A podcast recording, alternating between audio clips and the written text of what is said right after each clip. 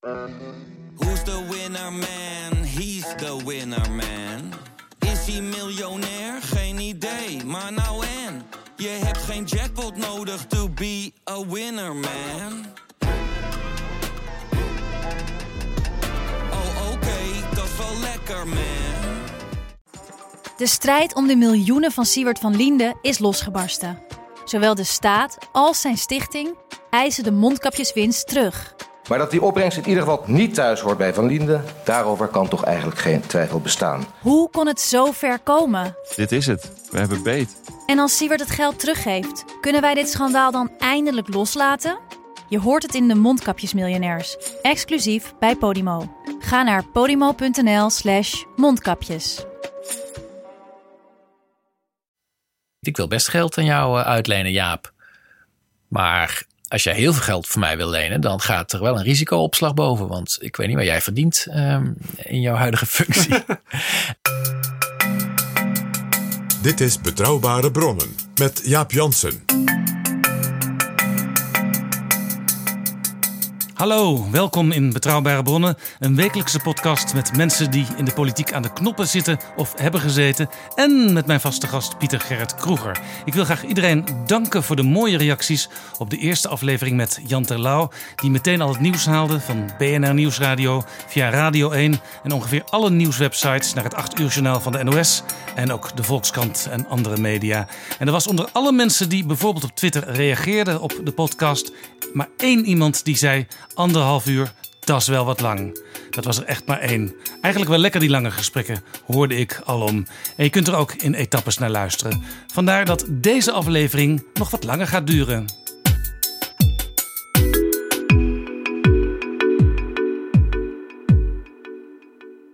Dit is Betrouwbare Bronnen, een wekelijkse podcast met betrouwbare bronnen. Welkom in aflevering 2.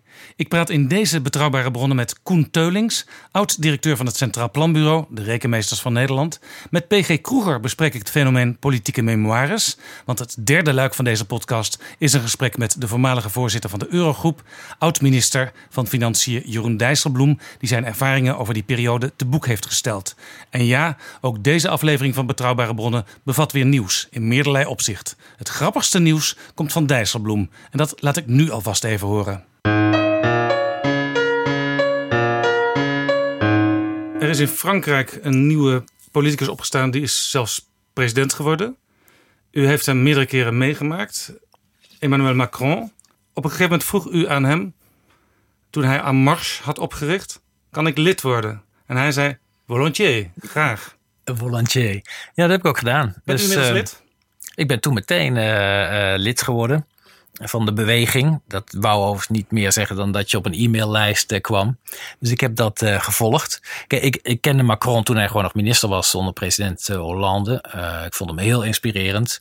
Zeer op hervorming gericht. een echte sociaaldemocraat.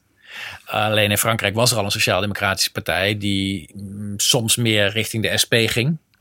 Ehm, eh, echt iemand die ook bereid was om tegen de Fransen soms onpopulaire dingen te zeggen. Van ja, we moeten ook echt een keer naar ons pensioenstelsel kijken. Houden we dit nu vol? We moeten naar onze arbeidsmarkt kijken. En, weet je, en dat type politicus die ook ehm, bereid is niet alleen maar de kiezer naar de mond te praten, maar soms ook te confronteren met moeilijke keuzes die er echt te maken zijn. De politiek gaat niet alleen maar over uitdelen. Hè? Van, cadeautje hier, cadeautje daar. Gaat ook soms, je moet ook tegen je achterban zeggen, en dat kan ook verkeerd uitpakken zie onze ervaring. Maar je moet soms ook tegen je mensen zeggen: jongens, we kunnen het niet volhouden op deze manier. Dat enthousiasme wat u heeft over Emmanuel Macron, dat hebben ook Alexander Pechtold en Mark Rutte. En die willen zelfs met Macron een politieke stroming in Europa gaan vormen. Ja, dat zou kunnen. Ik denk dat Macron daar niet in zal stappen. Is mijn beste inschatting, maar misschien vergis ik me. Maar mocht dat doorgaan, dan komen ze u weer tegen als lid van Amarche. ja, ik weet niet hoe het met mijn lidmaatschap is. Nogmaals, het was de facto was het een e-maillijst. Um, um, dus ik, ik ben nog geen lid geworden van de Liberale Internationale. Maakt u zich geen zorgen. Straks veel meer van Jeroen Dijsselbloem. Eerst praat ik met Koen Teulings, die zware kritiek heeft op het Nederlandse bezuinigingsbeleid van het vorige kabinet Rutte 2 van VVD en Partij van de Arbeid. En, heel opmerkelijk, Teulings vindt het geen goed idee als president Klaas Knot van de Nederlandse Bank volgend jaar president wordt van de Europese Centrale Bank. Daarover straks meer. Dit is Betrouwbare Bronnen met Jaap Jansen. Koen Teulings, welkom in Betrouwbare Bronnen. U bent universiteitshoogleraar aan de Universiteit van Utrecht. Maar we kennen u vooral ook nog als voormalig directeur van het Centraal Planbureau van 2006 tot 2013. U adviseerde toen op het allerhoogste niveau de Nederlandse regering over het financieel-economisch beleid. U overlegde voortdurend met ministers en topambtenaren.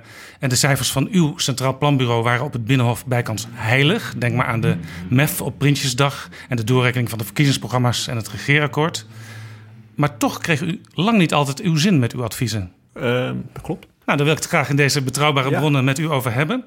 Bij uitgeverij Prometheus is een nieuw boek van u verschenen over de dijken. En die titel verraadt eigenlijk al. Het gaat over Nederland in Europa, in de wereld. En u heeft kritiek op de aanpak van de crisis die precies tien jaar geleden ontstond. In september 2018 met de val van de bank Lehman Brothers. Wat is uw belangrijkste kritiek op het beleid dat eh, Nederland toen binnen een Europa inzette? Eh, De voornaamste punt van mijn boek is eigenlijk dat je ziet dat eh, wij in die crisis ehm, een wat halfslachtige verhouding tot Europa hebben gehad. Eh, wij waren lid van de eurozone, maar hadden er eigenlijk wat spijt van, zal ik maar zeggen. En eh, in die periode was het heel veel het idee dat Brussel te veel bevoegdheden had gekregen en dat wij bevoegdheden terug moesten krijgen. Ja, vanuit Nederland hadden we het idee, eh, het gaat mis met heel veel landen, vooral met landen in het zuiden. En daar moeten wij voor opdraaien. Ja. En uiteindelijk blijkt dat een soort angst om dingen gemeenschappelijk te doen ons meer schade berokkend heeft dan. eh, en angst voor zuidelijke landen ons meer schade berokkend heeft dan als we gewoon wat meer eh, de samenwerking hadden verder uitgebouwd. Want er moest binnen Europa moest er veel gebeuren. En Nederland trapte in uw visie op de rem. Ja, nou kijk, Nederland heeft eh, zich heel strikt gehouden aan de budgettaire regels die Nederland eigenlijk zelf had voorgesteld in Europa. En die, die hele strikte houding eh, heeft Nederland uiteindelijk veel schade berokkend. Wij zijn eigenlijk het enige land wat zich zo strikt aan die regels gehouden heeft. Eh, en je kunt dat gewoon terugzien aan de groeicijfers in de periode tussen eh, 2010 en 2015, dat Nederland daar veel last van heeft gehad. Als je bijvoorbeeld vergelijkt eh, de groei in Nederland en de groei in, eh, in Frankrijk, dan zie je als het ware dat Nederland door een hele diepe dip gegaan is. En we herstellen ons nu en zijn nu weer terug op het niveau waar Frankrijk eh, al die tijd is geweest. Als je dat in termen van groei eh, berekent, kun je dan zeggen hoeveel miljard we zijn misgelopen? Ja, dat gaat enkele tientallen miljarden. Het gaat om heel veel geld. Ja. In uw boek heb ik gelezen eh 60 miljard. Ja, enkele tientallen. ja, kijk, dat soort cijfers zijn eh, altijd eh, eh, moeilijk precies te ramen. Ik ben, mijn vertrouwen in macro-economische modellen is, zoals ik al vaker gezegd heb, die zijn met een korrel zout moet je nemen. Maar als je daarmee rekent, kom je op dit soort bedragen uit. Nederland was dus, zou je kunnen zeggen, het beste jongetje van de klas. Nog meer dan Duitsland zelfs, waar we natuurlijk altijd ons eh, mee vergelijken. Ja. In het eerste kabinet Rutte, wat natuurlijk volop met die crisis te maken had, eh, had je naast premier Mark Rutte ook eh, minister van Financiën Jan Kees de Jager. En die schreven op een gegeven moment een opiniestuk in de Financial Times, waarin ze zeiden: ja, eigenlijk zou de euro ook herzien kunnen worden. In die zin dat je landen eruit zou moeten kunnen zetten als ze echt niet voldoen aan de regels. En dat was heel opmerkelijk, want in het eh, Verdrag van Maastricht staat helemaal geen artikel wat gaat over uit de euro treden. Ja, dat klopt. Dat was een hele opmerkelijke brief.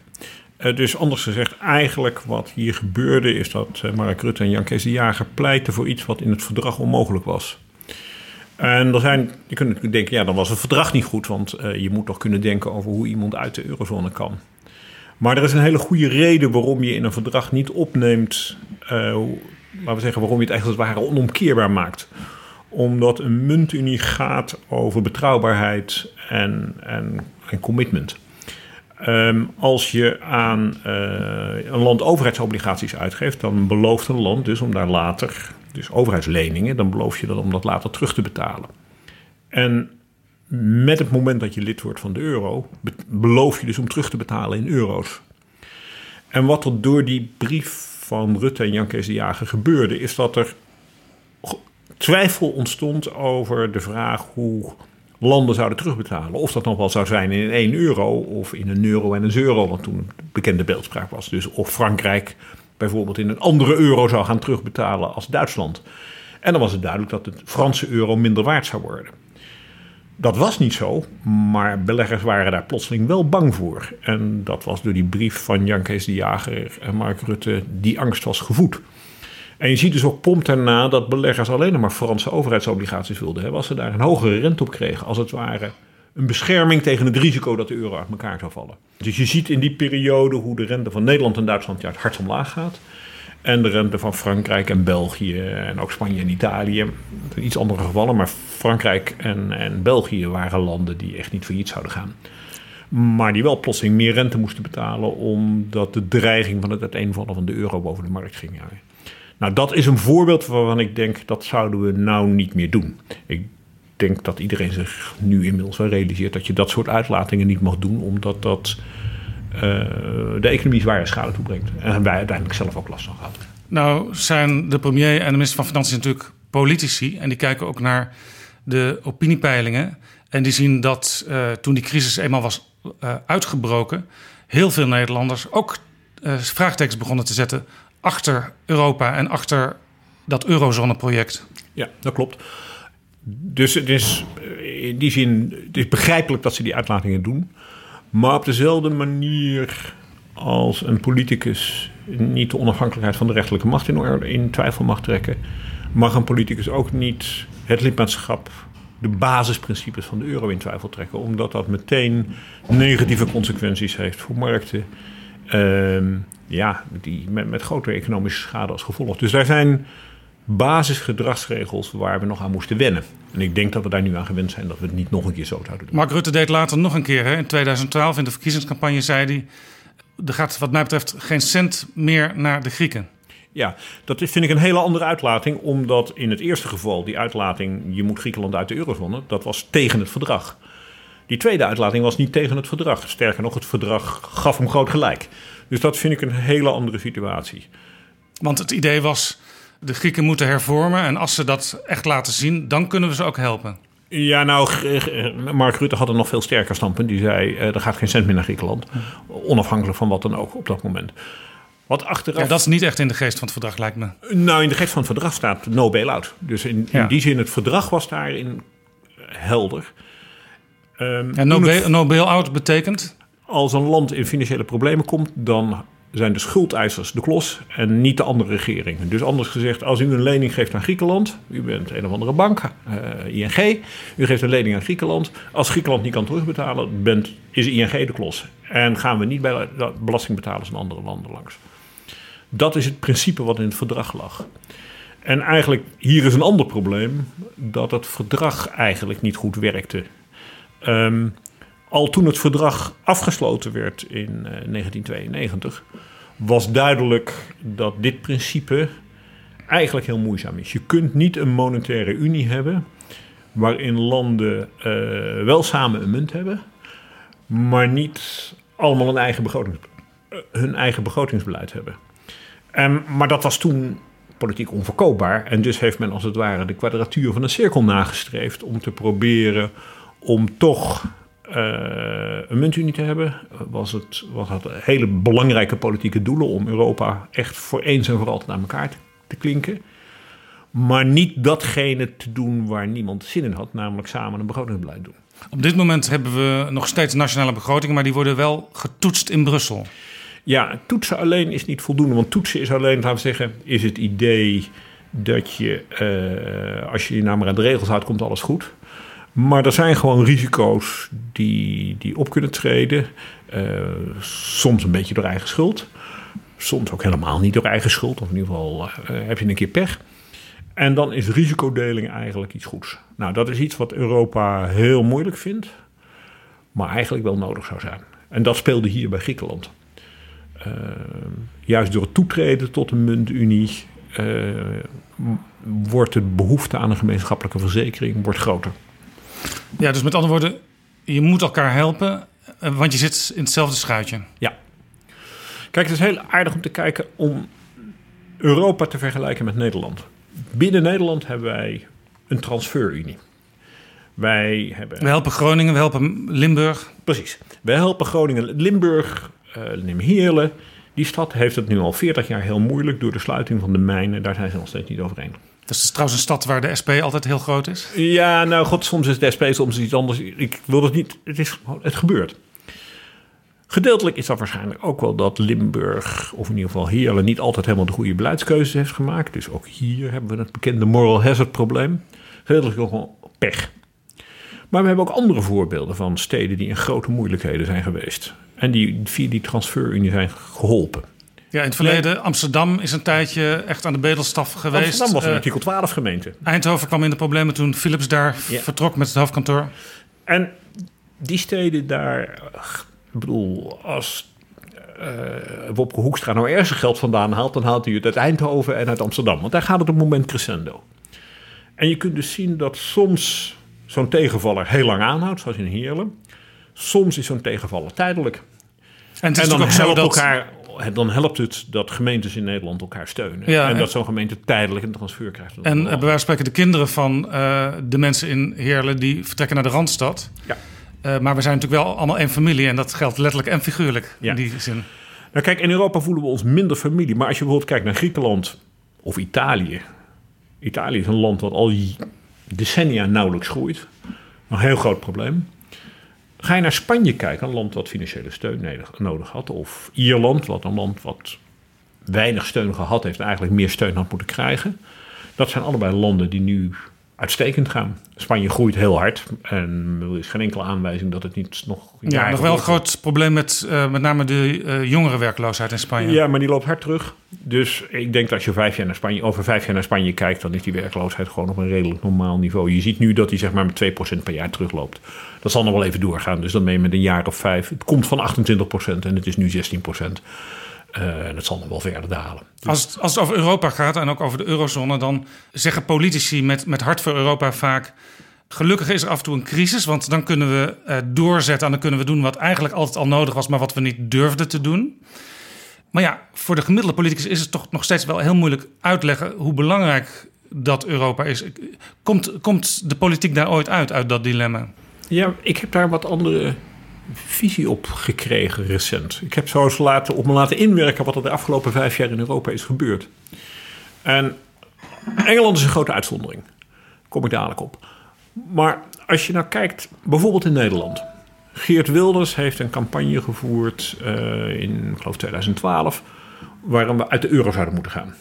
Hij heeft dat één keer gedaan, daarna heeft hij het er nooit meer over gehad. Hij had er ook een rapport voor over besteld in Engeland. Ja, en, en, bij een bureau dat, waarvan je van tevoren eigenlijk al wist wat de uitslag zou worden. Ja, maar het tekenende is dat Geert Wilders blijkbaar gemerkt heeft, want hij laat dat altijd goed uitzoeken, um, dat er eigenlijk in Nederland wij liever, wij zijn conservatief. Zoals over alle Europeanen, dat is maar goed ook.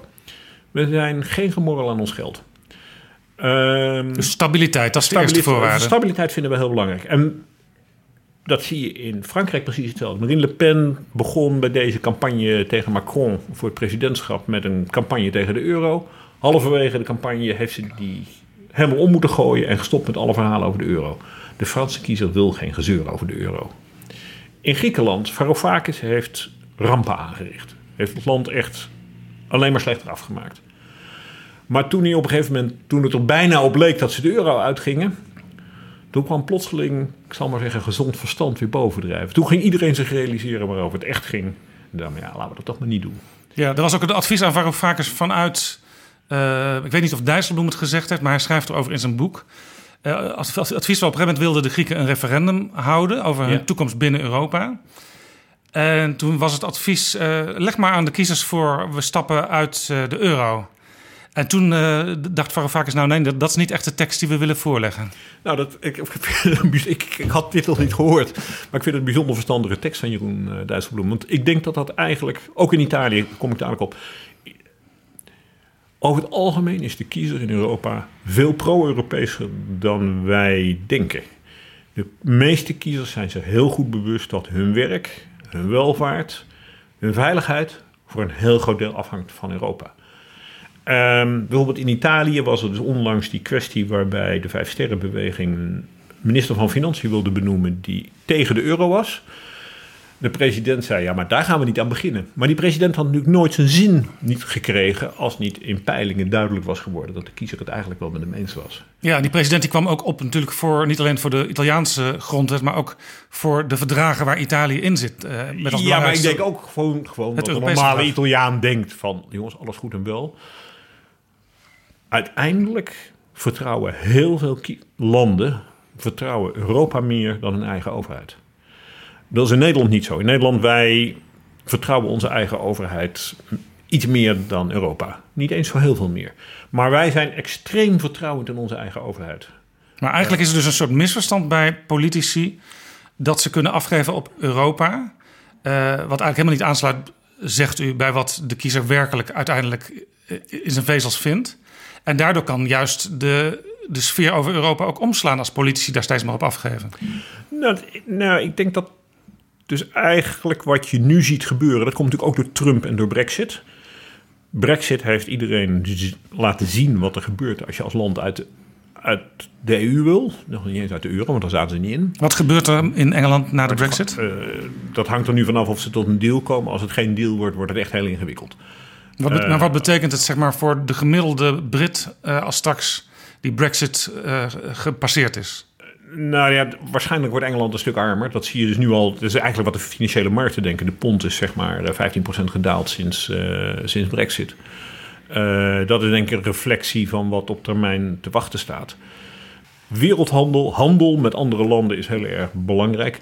Zeker omdat je, je moet voldoende schaalgrootte hebben. Amerika is groot genoeg, die kan zijn eigen broek makkelijk ophouden. Europa is ook groot genoeg in principe.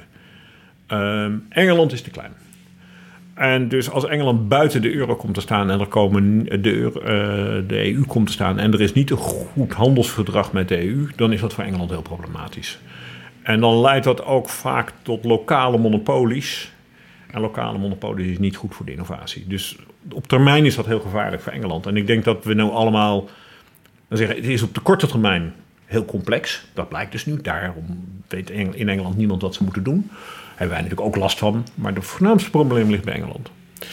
Trump is een, een ander verhaal dat ons bij elkaar drijft. Want Trump verandert de wereldorde. We hebben nu een wereldorde die drijft langs de World Trade Organisatie. Onderlinge handelsrelaties moeten aan regels voldoen. En die regels worden de WTO gesteld. In tientallen jaren zorgvuldig opgebouwd, dat systeem. Heel zorgvuldig opgebouwd. Heel knap. Vaak onder Amerikaanse leiding. Trump is nu bezig dat systeem op te blazen.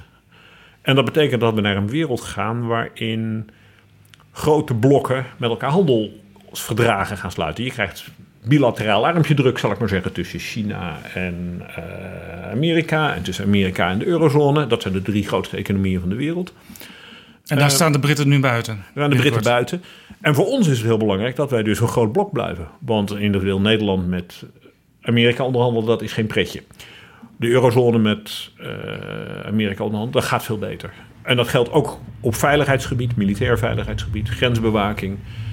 Hebben we allemaal de afgelopen vijf jaar steeds meer begrepen dat Europa voor ons een hele belangrijke rol gaat spelen. Toch zijn er nog steeds mensen die vroeger economie hebben gehad op school, die zeggen: als niet al die landen in die eurozone, eurozone zaten, dan was het makkelijker om te devalueren en dan kom je wat sneller uit een crisis. Ja, daar, daar hebben ze gelijk in. Ehm, dus ehm, je hebt eigenlijk bij zo'n muntunie heb je een soort afweging. We beschrijft hij in mijn boek vrij uitgebreid. De afweging is de volgende. Uh, daar zie je Engeland gebruik van maken. Engeland had financiële problemen. Eerst met de financiële crisis, waar ze zwaar door geraakt waren. En nu met Brexit. En hoe wordt dat opgelost? Doordat de pond devalueert. Daardoor wordt je staatsschuld minder waard dan ben je dus een deel van je staatsschuld kwijt eigenlijk. Dat is een eenvoudige manier. Als schuldeiser ben je dan de klos, maar daar, ja, ja, zo is het nou helemaal. Ja, dus wordt vanuit de overheid gezien, uh, worden de rekensommen uh, hanteerbaarder? Ja, absoluut. En dus een, een pond was in 2008 nog uh, 1,50 euro en nu is het nog 1,12 euro. Dus je ziet hoe zwaar de pond door die twee grote beslissingen onderuit is gegaan. Door de financiële crisis en door de, de brexit-beslissing. Landen die in de eurozone zitten, kunnen niet ten opzichte van elkaar devalueren. Uh, dat heeft het voordeel dat beleggers beter weten waar ze aan toe zijn. En dat betekent dat je dus vaak die landen een lagere rente kennen. Dat is weer de stabiliteit ook. Dus die stabiliteit. Het nadeel is dus, als er een keer een probleem is in een land, dan heb je dus ook niet meer die, die uitlaatklep. En daarom is eigenlijk precies die, die transfers tussen landen zijn eigenlijk wel nodig omdat je, als je niet meer de uitlaatklep hebt van een devaluatie, is onderlinge financiële transfers zijn eigenlijk noodzakelijk. Dat laat ook het Amerikaanse voorbeeld zien, waar dat ook bestaat. Die hebben ook één grote muntunie, waar je geen devaluatie hebt. Maar dus kunnen die staten niet zulke grote schulden maken. En in de Verenigde Staten hebben ze ook één federale minister van Financiën. Ja. Zouden we dat in Europa ook moeten doen?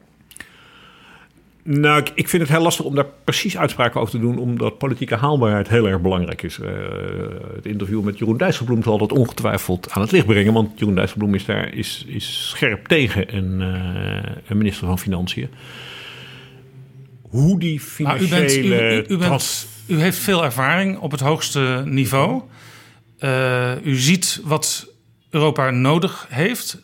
Heeft Europa eigenlijk, los van de politieke haalbaarheid een centrale minister van Financiën nodig? We hebben eigenlijk meer onderlinge financiële uh, transfers nodig. Anders gezegd, in het moment dat het moeilijk gaat met een land, dan zijn er transfers nodig. En dat helpt. Net als Eindhoven en Amsterdam geprofiteerd hebben en nu weer volop bijdragen aan de schatkist. En net zoals Heerlen nu al 40 jaar een schip van bijleg is. Ja, dat gebeurt er eenmaal. Ja, en dan moet dus, als je zo'n systeem hebt, dan moet daar ook iemand uh, eerst verantwoordelijkheid op. Daar moet er eerst verantwoordelijk uh, voor zijn. Dus ik kan het Nederlandse verzet tegen een Europese minister van Financiën niet helemaal plaatsen. Ik denk dat het verstandig zou zijn als we daar wat uh, flexibeler in zouden Nou zijn er natuurlijk ook wel stappen gezet. Hè? Ook door Dijsselbloem bijvoorbeeld. De bankenunie is Absoluut. begonnen. Ja. Nou kijk, de bankenunie is zo'n voorbeeld. Nederland heeft de afgelopen uh, tien jaar, of misschien zelfs iets langer... eigenlijk heel vaak op de rem gestaan als het in Europa gaat. Uh, en uh, bij heel veel van die dingen hebben we uiteindelijk niet ons zin gekregen. Uh, dus over de bankenunie. Nederland was, heeft heel lang tegen de bankenunie geweest en is er uiteindelijk toch gekomen. Ik noem een aantal van die, van die voorbeelden. Het steunpakket aan Griekenland, waar Rutte zo'n duidelijke uitspraak over deed, is er natuurlijk toch gekomen. En eerlijk gezegd, wisten op het moment dat hij die uitspraak deed, wisten we allemaal dat hij dat niet zou trekken. Uh, Alleen niet alle kiezers hadden dat meteen door. Nou, ik denk dat de kiezers het ook wel wisten. Um, uh, het is interessant waarom de kiezers dan toch willen dat Rutte dat zegt. Maar de, Hetzelfde geldt voor een Europese president. De voorzitter van de Europese Commissie, die is benoemd, of die is voorgedragen door het Europarlement nu. Ja. Nederland was daar uh, hardgrondig tegen. Uh, met een aantal andere landen, met Zweden en, uh, en, Engeland en Duitsland. Maar uiteindelijk is het toch gewoon een door het Europarlement benoemde voorzitter geworden. Rutte zei recent: Nou, we willen absoluut niet dat de begroting van de EU omhoog gaat. Ja, dat was een onhoudbare positie en hij levert het weer in. Wij zijn heel erg tegen alles wat Europa. We denken dat Europa zo klein mogelijk moet blijven. En ik denk dat het andersom is. In de huidige wereld met Trump en met name met Trump, uh, waarin de veiligheidsgarantie van de NATO ter discussie staat, denk ik dat Europa heel belangrijk wordt. Brussel moet niet terug in zijn hok, Brussel moet voor ons aan de slag. En ik denk dat de Nederlandse positie zou moeten zijn wat kan Brussel voor ons doen? En dan mogen we best onze eigen belangen behartigen. Natuurlijk doen we dat. Ja, en u zegt de Nederlander wil vooral stabiliteit. En u, u zegt dus nu ook... Uh, eigenlijk is Brussel, is Europa, de eurozone... een soort verzekering voor die stabiliteit. Ja. Kijk, dat is natuurlijk in allerlei opzichten. Dat is dus economisch. Dus Nederland voelde op een gegeven moment de druk om te bezuinigen. Gedeeltelijk omdat Iedereen zag dat het land wat in de slechtste financiële positie stond, kreeg de wind vol in de lucht, in het gezicht. En wij wilden dat niet. Wij wilden niet op kop van dat pelotonnetje komen, veilig achterin. We waren niet de enige die veilig achterin wilde fietsen. Nou, dus fietste dat peloton op een gegeven moment heel erg langzaam. Dus iedereen begon te bezuinigen. En je ziet dus ook nu dat financieringstekorten in de eurozone internationaal gezien heel erg laag zijn. Europa heeft een, de eurozone heeft een financieringstekort van 1%. gemiddeld genomen. Dus vergeleken met uh, andere economische blokken is ons tekort het in, in Europa laag. Verreweg het laagste. Dus ik geloof dat de tweede is het Verenigd Koninkrijk, die hebben 2,5 procent. Uh, de derde is, uh, als ik het goed heb, de Verenigde Staten, Japan. Die hebben allemaal grotere tekorten dan wij. De Verenigde Staten heeft het grootste tekort van 4,5. En als je het, het kleinste tekort hebt, dan betekent dat dat je eigenlijk daar wat speling in kunt aanbrengen. Dat je, dat je wat rechter in kunt aanbrengen. Ja, nou, de demografische situatie in Europa lijkt op die van Japan. Wij lopen 15 jaar achter bij Japan. Japan zijn relatief veel ouderen. Ja. En dan ziet een bevolkingspyramide, dat is dan, vroeger was dat heel veel jongeren en dan geleidelijk aan steeds ja, meer. Veel jongeren werken voor een paar ouderen. Ja. Was, was het vroeger. Maar nu zie je dat die, die onderste leeftijdscohorten heel klein zijn. En er is nu een soort paddenstoelvorm ontstaan, een urn. En de buik van de urn is nu in Japan zeg maar 65 en in Europa 55.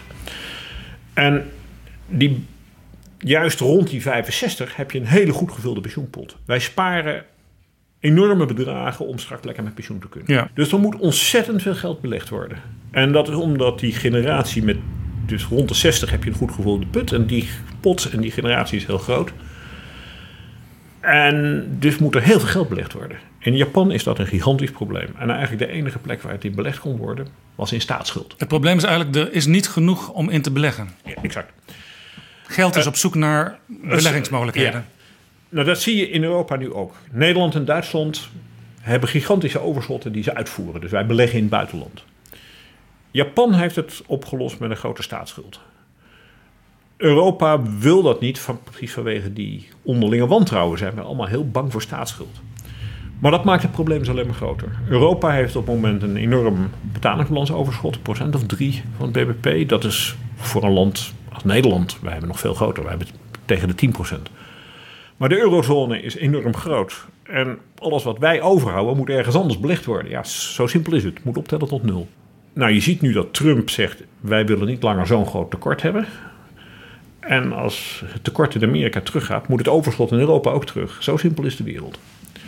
Dus naar alle waarschijnlijkheid moet het, tekort in Europa, moet het overschot in Europa terug. En dan moet het dus ergens anders belegd worden. Machines, fabrieken, het zou heel mooi zijn, maar er is op een gegeven moment genoeg van. En vroeg of laat kom je dus maar bij één uitleg, staatsschuld. En dan wordt het dus redelijk klemmend dat Europa op het moment financieringstekorten heeft die zo laag zijn. Als wij heel serieus nemen wat nu de fiscale afspraken zijn in de eurozone, dan gaan wij de staatsschuld in Europa terugbrengen tot 30% van het bbp. Ja. Ik denk niet dat dat gaat gebeuren, maar het zou ook onmenselijk zijn. Ja, de, de regel in Europa is, er moet in ieder geval onder de 60% van het uh, ja. bruto nationaal product zijn. Daar zitten we dus nu uh, flink onder en dat gaat verder omlaag. Maar u zegt eigenlijk is, uh, is dat helemaal niet nodig? Nee, ik denk dat een staatsschuld van 60 of 70 procent zou, zou heel goed zijn. Het zou zelfs nog iets hoger dan die Europese regel ja. mogen zijn.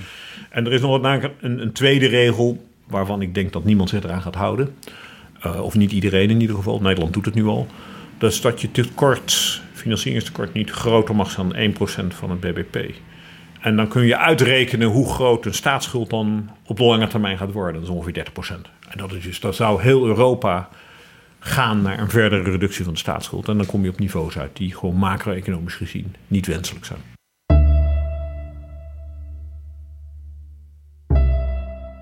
Dit is Betrouwbare Bronnen, een wekelijkse podcast met betrouwbare bronnen. Je kunt nu zien aan het verloop van de staatsschuld. Die, die heeft een enorme piek gehad. Uh, vanwege het redden van de banken speelt een rol. Maar ook gewoon gemiste belastinginkomsten door de, door de recessie in 2008. En dat liep door tot uh, zeg maar 2014, 2015. Hebben heel veel belastinginkomsten misgelopen. En dat leidt tot een enorme sterke stijging van de staatsschuld. En je ziet nu dat wij in, in een hele korte tijd die staatsschuld weer aflossen. Je kunt dus eigenlijk zeggen van als het slecht gaat heb je minder belastinginkomsten. Maar je weet als het dan uiteindelijk weer goed gaat, dan komen die belastinginkomsten snel weer terug. Ja, je ziet nu dat geld eigenlijk in Nederland van de daken valt. Uh, we hebben een overschot van uh, rond 1% bbp. Staatsschuld daalt als een echt een tempo. Dat had allemaal veel geleidelijker gekund. En um, het vreemde is als je kijkt naar de recessie in de jaren 80. Ja, voor de mensen die van mijn leeftijd, die herinneren zich dat nog heel goed. Ja, Rutte zegt, wij doen dit allemaal omdat we de les geleerd hebben van de jaren 80. Ja. Nou, dus de recessie van de jaren 80 was een hele andere recessie als deze recessie. Die recessie toen was duidelijk door een uit de hand gelopen sociaal zekerheidsstelsel. En Ja. kabinet Lubbers 1 en Lubbers 2 hebben. Nederland is ziek. Daar waarschuwde Ja, dat was helemaal Lubbers voor. Lubbers heeft dat heel Eh, mooi bijna 1 miljoen mensen zaten in de wet op de arbeidsongeschiktheidsverzekering. Dat is nu in Nederland geen probleem. Nu was het echt de financiële crisis een probleem. Toen had je een probleem met hoge looneisen en oplopende inflatie. Nu hebben we een probleem van deflatie. Dus de financiële crisis toen en de, de, de financiële problemen toen in de jaren 80 waren heel anders als die, die eh, eh, sinds de financiële in, sinds de Dus je kunt eigenlijk helemaal niet de les van toen toepassen op de situatie nu. Nee, dat, dat, ik denk dat dat. Het is heel interessant. Lubbers had een goed beleid, maar datzelfde beleid zou je nu niet kunnen toepassen. Had, hij nu niet, had Rutte nu niet moeten toepassen. Dat was achteraf gezien beter geweest. Ik kwam in uw boek een passage tegen, heel kort even. Eh, Maxime Verhagen, die was toen eh, minister van Economische Zaken en Ja. eh, vicepremier namens het CDA. Dat was zo'n beetje de enige, schrijft u in uw boek, die begon te twijfelen aan die methode. Ja. wat, wat zei hij? Het, het was helemaal aan het eind van zijn ministerschap. En misschien wist hij al dat hij daarna bij Bouwen Nederland ging werken. Dus dat geeft misschien wel iets van inkleuring waarom hij, dat- waarom hij dat zei. Maar Ja, want bij Bouw Nederland heb je eh, investeringen nodig. ja, ja, absoluut. Ehm, maar het was wel aardig om te merken dat ja, hij zei van ja, god, hij luisterde naar een aantal economen. Ik gewoon met een aantal anderen, ik weet het niet meer helemaal precies. Eh, maar deze uitspraak die staat me in het geheugen gegrift. En die zei allemaal ja, eigenlijk wordt er te veel bezuinigd. Ehm, en toen zei hij, ja, dat zeggen eigenlijk alle economen steeds weer. Ik, ik hoor dat nu wel vaker. En zoiets dergelijks zei hij. Dus hij, voor het eerst dat ik iemand merkte die wel begreep dat er iets niet helemaal goed ging. Ja, want wat u zegt, eh, dat is ook een soort van brede consensus hè, onder, Onder eh, economen, internationaal gezien. Dus in Nederland, Nederlandse economen zijn erover verdeeld. Eh, Bas Jacobs is er heel uitgesproken in. Andere mensen houden tegenwoordig Bas Jacobs is binnenkort te gast in Betrouwbare Bronnen. Heel goed. Ehm, eh, er- andere economen houden dat tegenwoordig eh, de discussie wat heel, en dat begrijp ik ook, je moet niet eindeloos erover blijven zuren. Maar het is belangrijk dat we met elkaar nadenken over de grondslagen van dit beleid. Er is echt iets misgegaan. En dat zou je niet nog een keer willen hebben. Hoe verklaart Koen Teulings dat premier Mark Rutte altijd heeft vastgehouden aan dat volgens Teulings verkeerde beleid? Gedeeltelijk heeft dat denk ik te maken eh, met de identiteit van de VVD. Huishoudboekje op orde houden. Huishoudboekje op orde. Eh, zoals als je citeerde Mark Rutte net, die zei van ja, dat is de les van de jaren tachtig. Ehm, dat hoorde heel erg bij de VVD-identiteit. En ik denk eigenlijk dat die identiteit op dat moment een belangrijke rol gespeeld heeft dan eh, zorgvuldige overweging. Ik, ik neem aan, als ik, het, ik bedoel, ik ben niet bij die discussies geweest, maar Witteveen, Rutte zal ongetwijfeld regelmatig met Johan Witteveen gesproken hebben. En Witteveen heeft er daar heel helder ook het Ja. publiek over uitgelaten. Ehm, Bij andere discussies zat u wel aan tafel, bijvoorbeeld in de stuurgroep begrotingsruimte, in allerlei adviesclubs. ehm, die ehm, tegen het kabinet zeiden van als je dit doet, dan gebeurt er dat. Als je iets anders doet, dan gebeurt er dat. En u adviseerde ook om toch iets trager te gaan met die enorme bezuinigingen. Maar u kreeg, u kreeg daar nooit uw zin in. Nee, klopt. Nou bent u, was u natuurlijk eh, ja, van het Centraal Planbureau. Ehm, dus u was niet uiteindelijk de uiteindelijke verantwoordelijke Kijk, voor het uiteindelijk is het een politieke keuze geweest. Ehm, en die politieke keuze werd in Nederland heel breed gedragen. Eh, ja, dan op een gegeven moment houdt het op. Ja, bedoel, politiek is de baas in het land. Heeft u nooit gedacht, als ik nou jaar op jaar al die discussies weer voorafgaande aan de begroting, Prinsjesdag, eh, weer niet mijn gelijk kan halen, wat doe ik hier eigenlijk nog? Ja, daar heeft er vast wel eens iemand die dat aan me vroeg. Mijn neiging om daarmee te stoppen was eigenlijk nul. Ik heb nooit gedacht... eh, ik, af en toe vond ik het wel frustrerend, zal ik maar zeggen. Maar er momenten geweest ehm, dat ik dacht... eh, nou gelooft volgens mij Mark Rutte zelf niet meer dat dit nog goed is. En toch gaat hij ermee door. Ehm, ja, het is gelopen zoals het gelopen is. En nogmaals... ehm, ik denk dat, dat, dat gedane zaken nemen geen keer. En uw Maar conclusie was ook, ik ben, uiteindelijk ben ik niet de eindverantwoordelijke, ik ben een, een adviseur, een, Ik ben een adviseur. in feite een technocraat. En ja, ik, ik doe wat ze mij vragen, ik geef advies, maar dan houdt het op. Nee, nee, ik doe niet wat ze mij vragen. Nee, ik, ik geef advies. En het is aan jullie om te beslissen. Maar ik denk dat het belangrijk is Kijk, een deel van de discussie speelt nu nog. Bijvoorbeeld de opstelling van de Nederlandse bank in de Governing Council van de ECB. Dat speelt tot op de dag van vandaag. Is dat belangrijk? Dat zal de komende jaren Ja, als je nu kijkt naar de centrale bank in Europa, dan is, zijn Duitsland en Nederland vaak landen die een andere visie hebben op wat er eigenlijk zou moeten gebeuren. Ja. Ehm, en da- dat is opmerkelijk, want eigenlijk wat Draghi doet, is hetzelfde wat de Fed doet. Draghi is de voorzitter van de Ja. Europese Bank. Ja, dus de bankpresident Mario Draghi doet. Het beleid van Draghi wijkt niet af van het beleid van de Fed in Amerika, wijkt niet af van de Bank of England in, in Engeland, wijkt niet van de Bank of Japan af. Al Een van die dingen is wat ze noemen qu- quantitative easing. Easing. En dat dat zou je kunnen vertalen in eh, geld bijdrukken. Nou, ik, ik denk niet dat het geld bijdrukken is. Ik denk dat dat is een, ehm, een misconceptie van wat er echt gebeurt. Willem Buiter heeft wel eens voorgesteld om helikoptermoney te doen. Dat is Je inderdaad- geeft iedereen 1000 euro. je geeft iedereen 1000 euro erbij. Ik ken trouwens iemand die dat ook eens heeft voorgesteld, Mark Rutte. Ja, nou kijk, en op zich, daar is een hele goede. de- de- als niks meer werkt, is helikoptermoney een oplossing. Dan is inderdaad de bankbiljettenpers aanzetten. Wat er nu gebeurt, is niet de bankbiljettenpers aanzetten. Dat is een weergave die in de Nederlandse pers heel gebruikelijk is, maar niet spoort met de feiten.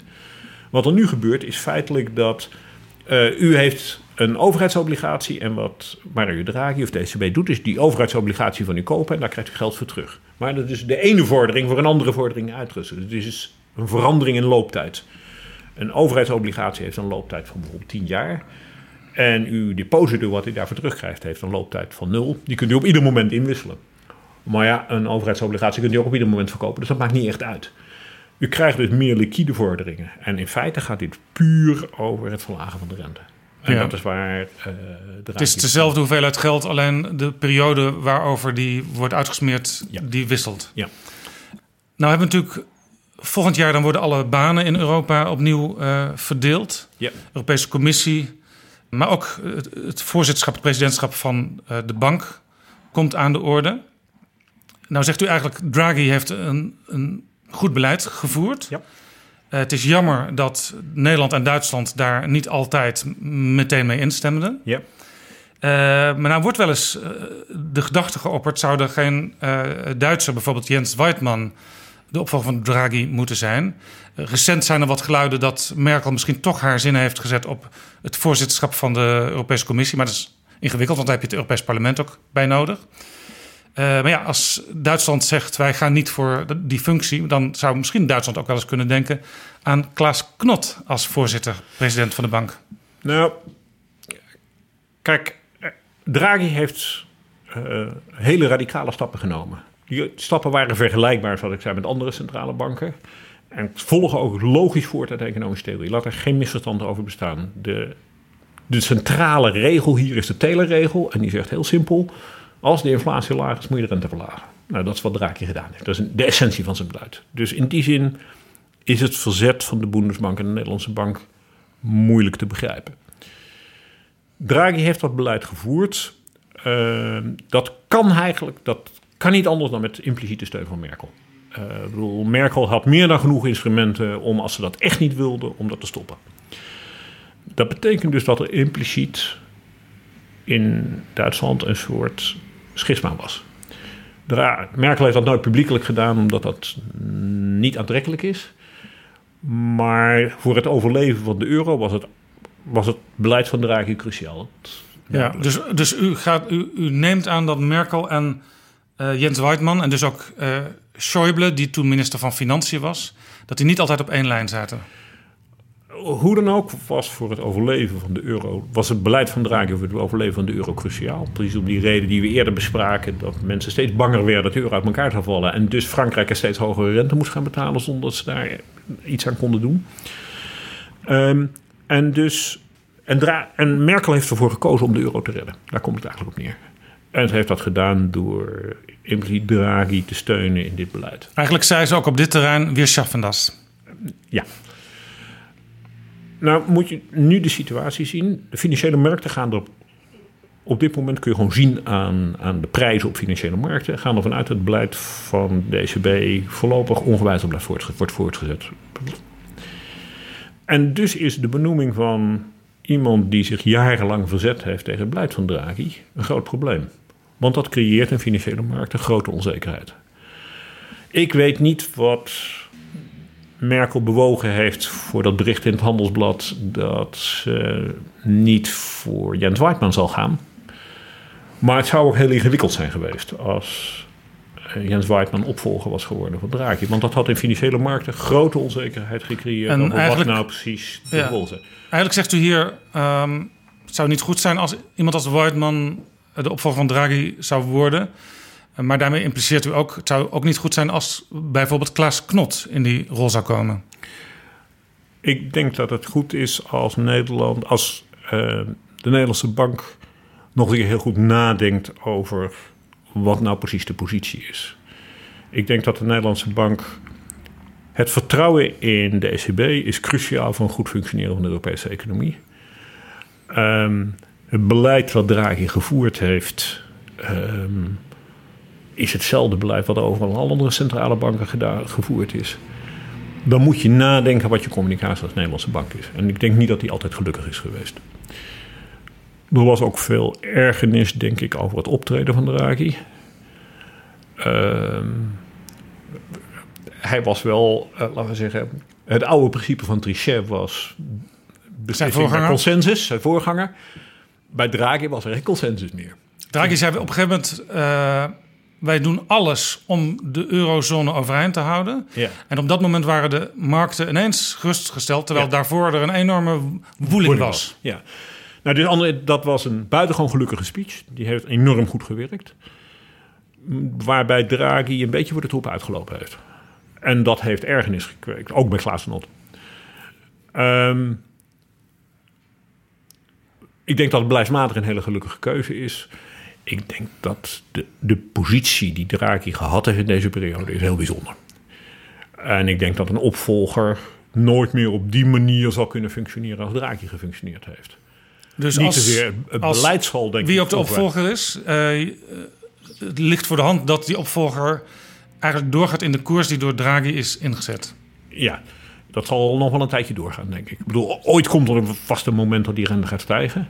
Maar dat zal nog veel langer duren dan wij nu rekening mee houden. Dus je, gewoon, je kunt dat afleiden uit, uit marktprijzen. Ik heb in mijn boek een plaatje en dan kun je gewoon precies zien wat de markten voor de komende jaren denken. Die denken dat de rente in Amerika vrij fors zal oplopen. En die verwachting is bovendien de afgelopen tijd bijgesteld omhoog. Het beleid van Trump. Hoge overheidsuitgaven. Ja, dan gaat de rente wel omhoog. Dank je. In Europa is dat niet het geval. En eh, als je kijkt, dan zie je dat de markten denken dat de rente in Europa ieder jaar 0,1% omhoog zal gaan de komende tijd. Nou, dat is helemaal niks.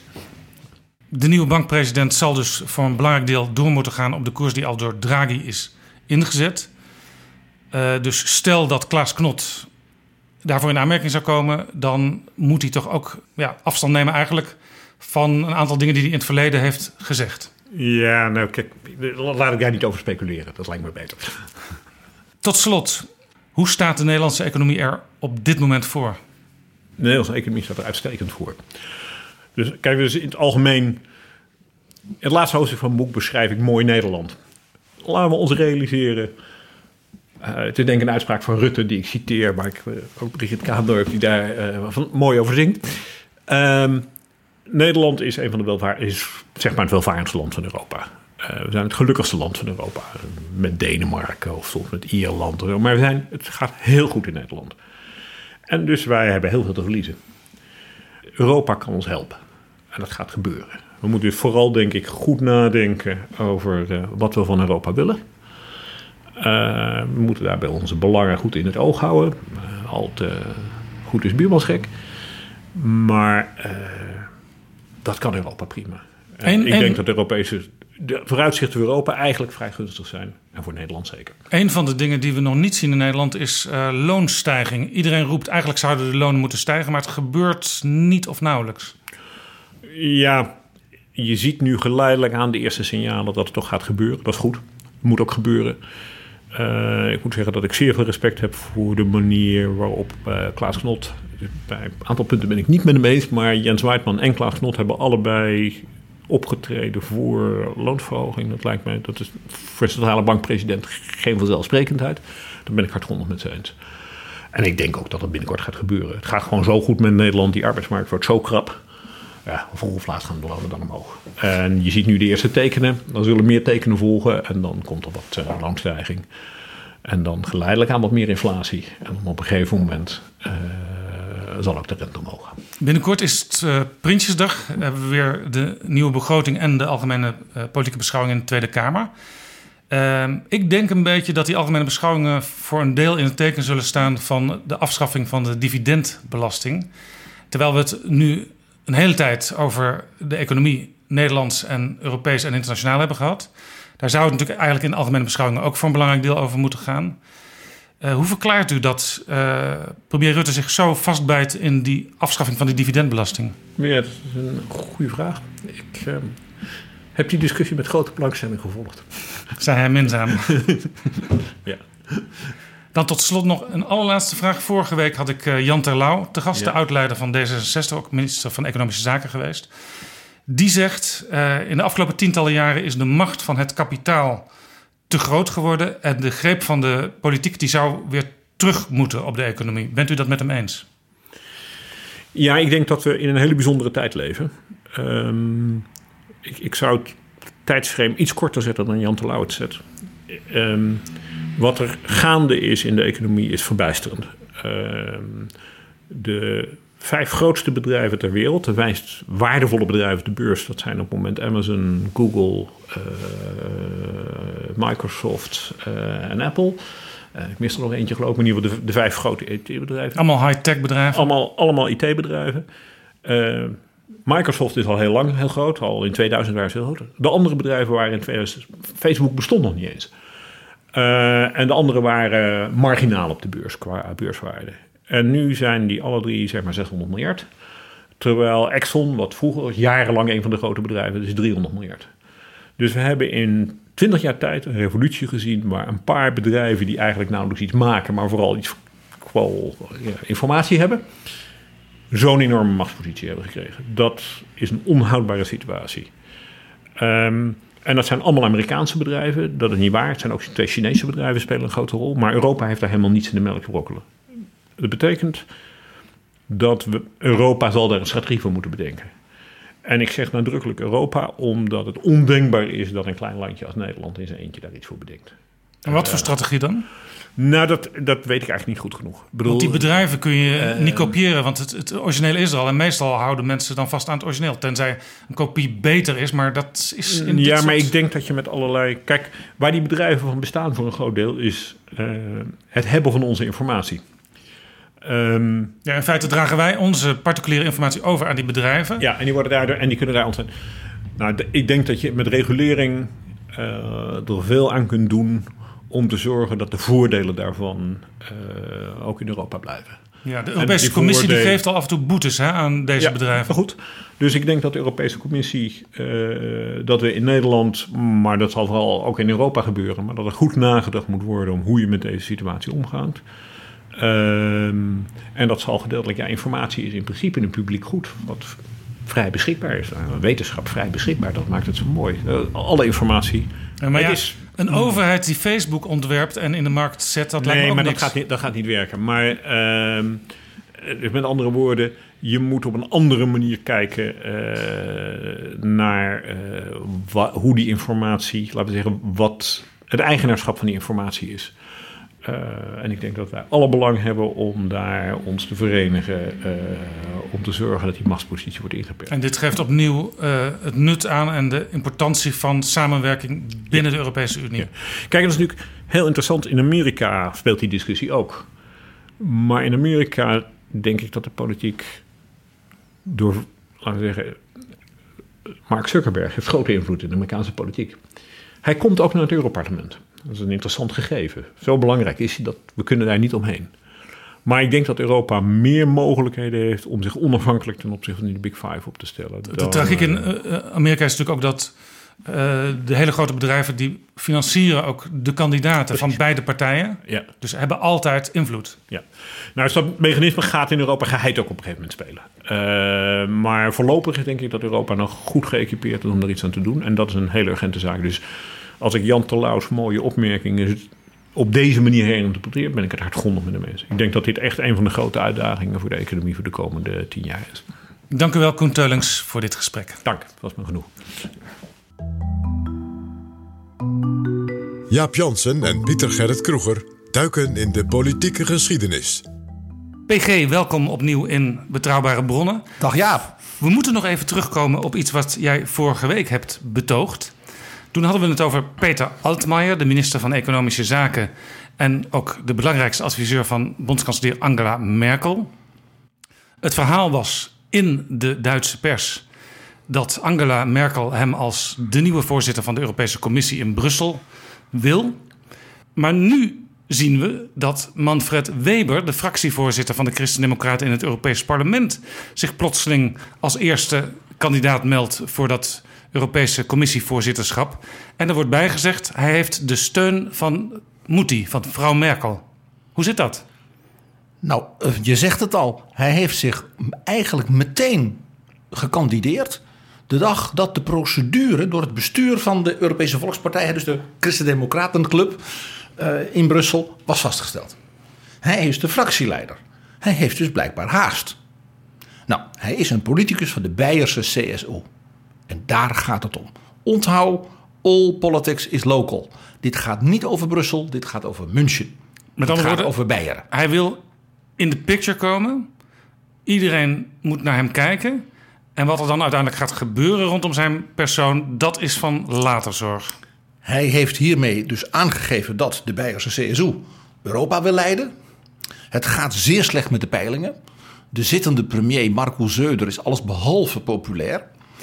Uh, als de uitslag is zoals de peilingen er nu uitzien, dan is er maar één kabinet mogelijk straks. Dat is historisch gezien ondenkbaar bijna. Namelijk een kabinet van de zwaar verliezende CSU met de zeer winnende Groenen. Marco Zeuder is een houthakkers-conservatief, zal ik maar zeggen. Zoals je ze in Beieren uh, wel vaker hebt. Kleurrijk, uh, welbespraakt, uh, niet soepel. maar een houthakker is niet echt iemand die met de Groenen nee, permanent gaat samenwerken. Nee, nee, is geen milieuman, zal ik maar zeggen. Manfred Weber is de jonge nieuwe ster van de CSU. Die is Europees gezind, die spreekt zijn talen. Die is... De tekst van jou nu is dus...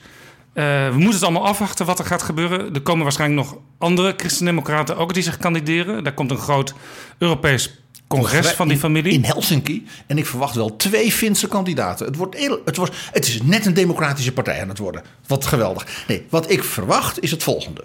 Weber is kandidaat. En natuurlijk zegt mevrouw Merkel: ik sta achter mijn vriend, de jongeman Weber.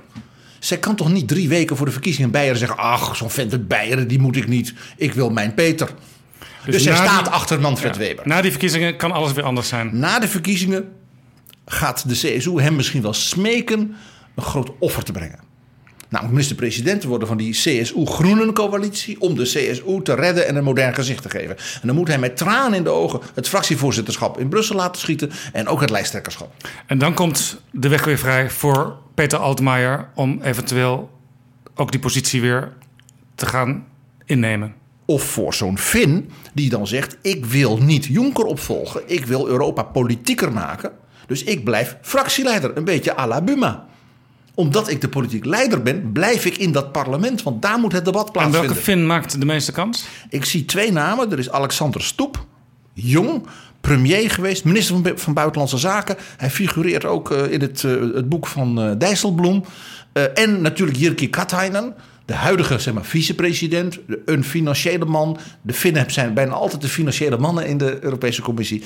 Saai, gedegen en heeft gezegd dat hij geen kandidaat is. Want zijn vrouw wil, geloof ik, uh, in het parlement in Finland binnenkort. En hij zegt: Ik heb carrière gemaakt en nu is mijn vrouw aan de beurt. Waarmee zijn populariteit in Finland nu 30% omhoog ging. Uh, dus als we hem gaan smeken, dan is hij misschien toch bereid. Dat soort dingen. Voor de luisteraars, we praten tot nu toe over één politieke stroming. Dat zijn de Christen-Democraten. Die zijn weliswaar de grootste. Maar er zijn natuurlijk nog andere partijen. Hè? De Sociaaldemocraten, de Liberalen, de uh, populisten, de conservatieven. De linksen, de gaan, zeer linksen. Gaan ook allemaal kandidaten stellen. Komen we later op terug. Deze week, PG, is de week waarin ik spreek met twee mannen die een boek hebben geschreven. Koen Teulings van het Centraal Planbureau, voorheen de directeur. En nog belangrijker, Jeroen Dijsselbloem heeft op schrift gezet hoe hij met een aantal andere mensen in Europa de eurocrisis te lijf ging en uiteindelijk ervoor zorgde dat we nu uit die crisis zijn. En ik praat straks met hem over ehm, ja, moeilijkheden die nog steeds zich voor kunnen doen en zijn we wel echt uit die crisis. Uh, maar het is een soort van memoires. Zij het over een beperkte periode, de vijf jaar dat hij voorzitter was van de Eurogroep. Ja, de ondertitel is Het verhaal van binnenuit. En uh, dat is heel erg leuk, die ondertitel, want dat belooft wat. Uh, ik heb het hier voor me liggen, want jij en ik waren bij de presentatie. En de enige verhalen die Mark Rutte en Hans Veilbrief, zeg maar de ambtelijke chef van de eurozone. Die waren bij hielden. die presentatie? Ja. En Hans en, Veilbrief, is ook nog leuk om even te vermelden, was dus de belangrijkste ambtelijk assistent van Dijsselbloem in die rol in Europa. Veilbrief uh, is dat nu nog, dus hij dient in feite nu weer de opvolger van Dijsselbloem. En Veilbrief uh, staat ook wel eens op het lijstje van uh, Alexander Pechtold om eventueel bij D66 minister te worden van bijvoorbeeld Financiën. En daar is hij ook uh, toe bereid, heeft hij laten doorschemeren. Veilbrief heeft tegen Dijsselbloem gezegd: er moet een boek komen. Jij gaat dat schrijven, maar ik wil je wel helpen met uh, de herinneringen scherp te maken.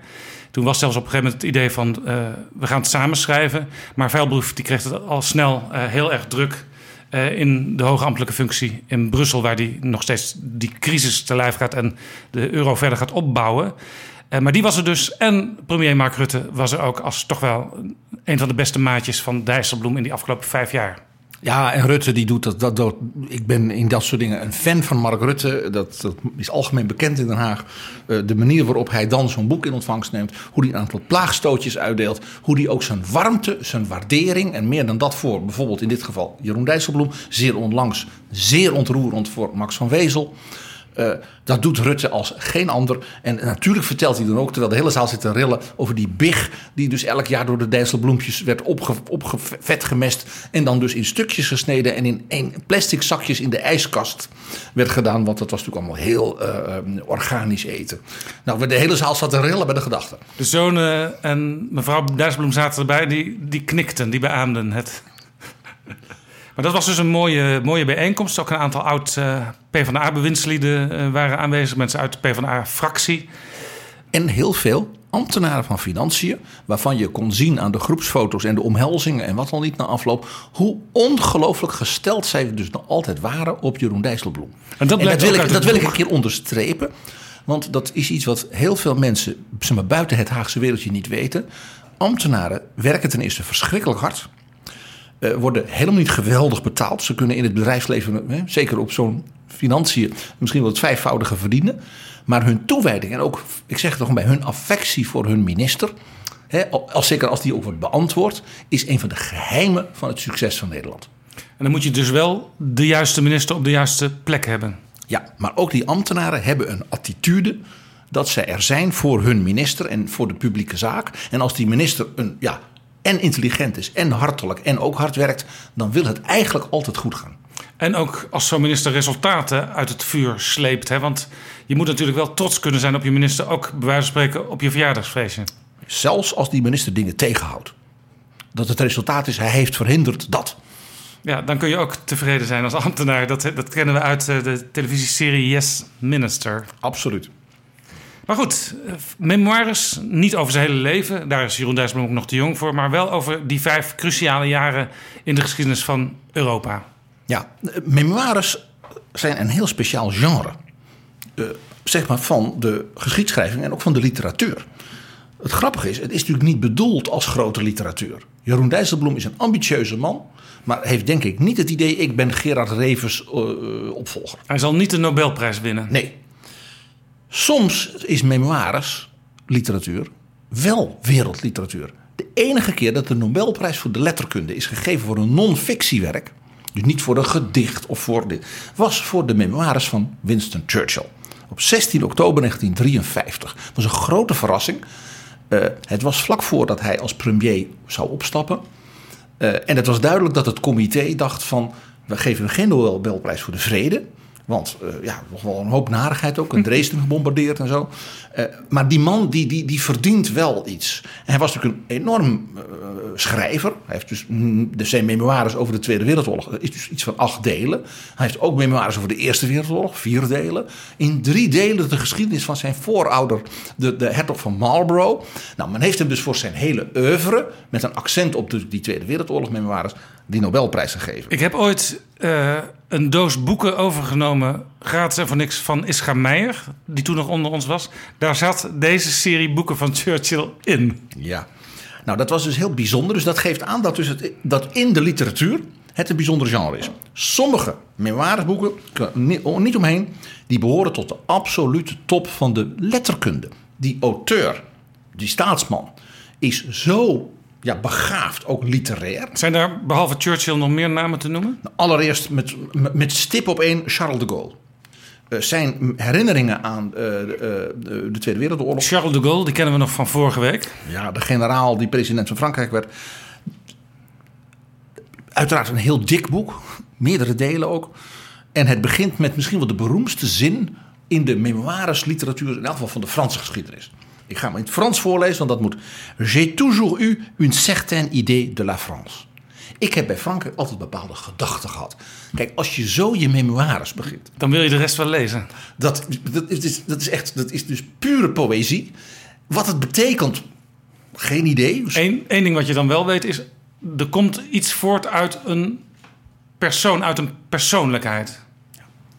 En ook dat de Gaulle van zichzelf wist dat hij dus een historische persoon was toen hij het schreef. Nou, de tweede ook ongelooflijk leesbaar, ook nu nog, verschenen in 1898 en een heel klein derde deel in 1922, Gedanken und Erinnerungen van Otto von Bismarck. Die heb ik bij politicologie nooit gehad. Fantastisch. Gemeen, vilijn, kleine anekdotetjes, kleine brieven van andere lieden die hij dan van dan krijgt u een beter beeld van mijn verstandhouding met zo'n met zo'n koning. Of... En dat derde deel, dat is dus verboden.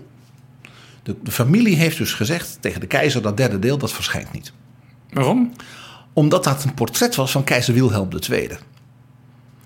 En die, toen heeft de familie in 1922 nog een proces gevoerd tegen de uitgever. Want die zei, ja, de keizer is weg. Ik ga dat uitgeven. Ja. En de familie heeft via een proces geprobeerd dat tegen te houden. Dat derde deel, dat is echt vernietigend voor Wilhelm II. Vernietigend. Smullen. Is dat, als je aanbevolen. het Duits niet 100% machtig bent, is dat ook in het Nederlands ooit verschenen? Uh, nee, nee, natuurlijk niet. Nederland... Uh, het, ik, ik, heb de eerste druk van alle drie de delen. Ik geef maar eerlijk toe als studentje voor bijna niks gekocht in een uitdragerij in, in Hamburg. Uh, in gotische letters. Je bent maar gewaarschuwd. Maar echt smullen. denk je, Bismarck, 18... Ja, echt smullen. Derde, beste voorbeeld, de personal memoirs van Ulysses Grant. Ulysses Grant was de leider van het noorden in Amerika tijdens de burgeroorlog. En hij werd ook nog later president van Amerika. Ja, en is door een vriend zo verschrikkelijk financieel opgelicht dat hij dus volkomen brodeloos was. En op dat moment ook duidelijk werd dat hij stervende was aan kanker. En toen heeft Mark Twain, de grote schrijver, die ook uitgever was, hem overtuigd: schrijf je memoires. Ik help wel zo nodig.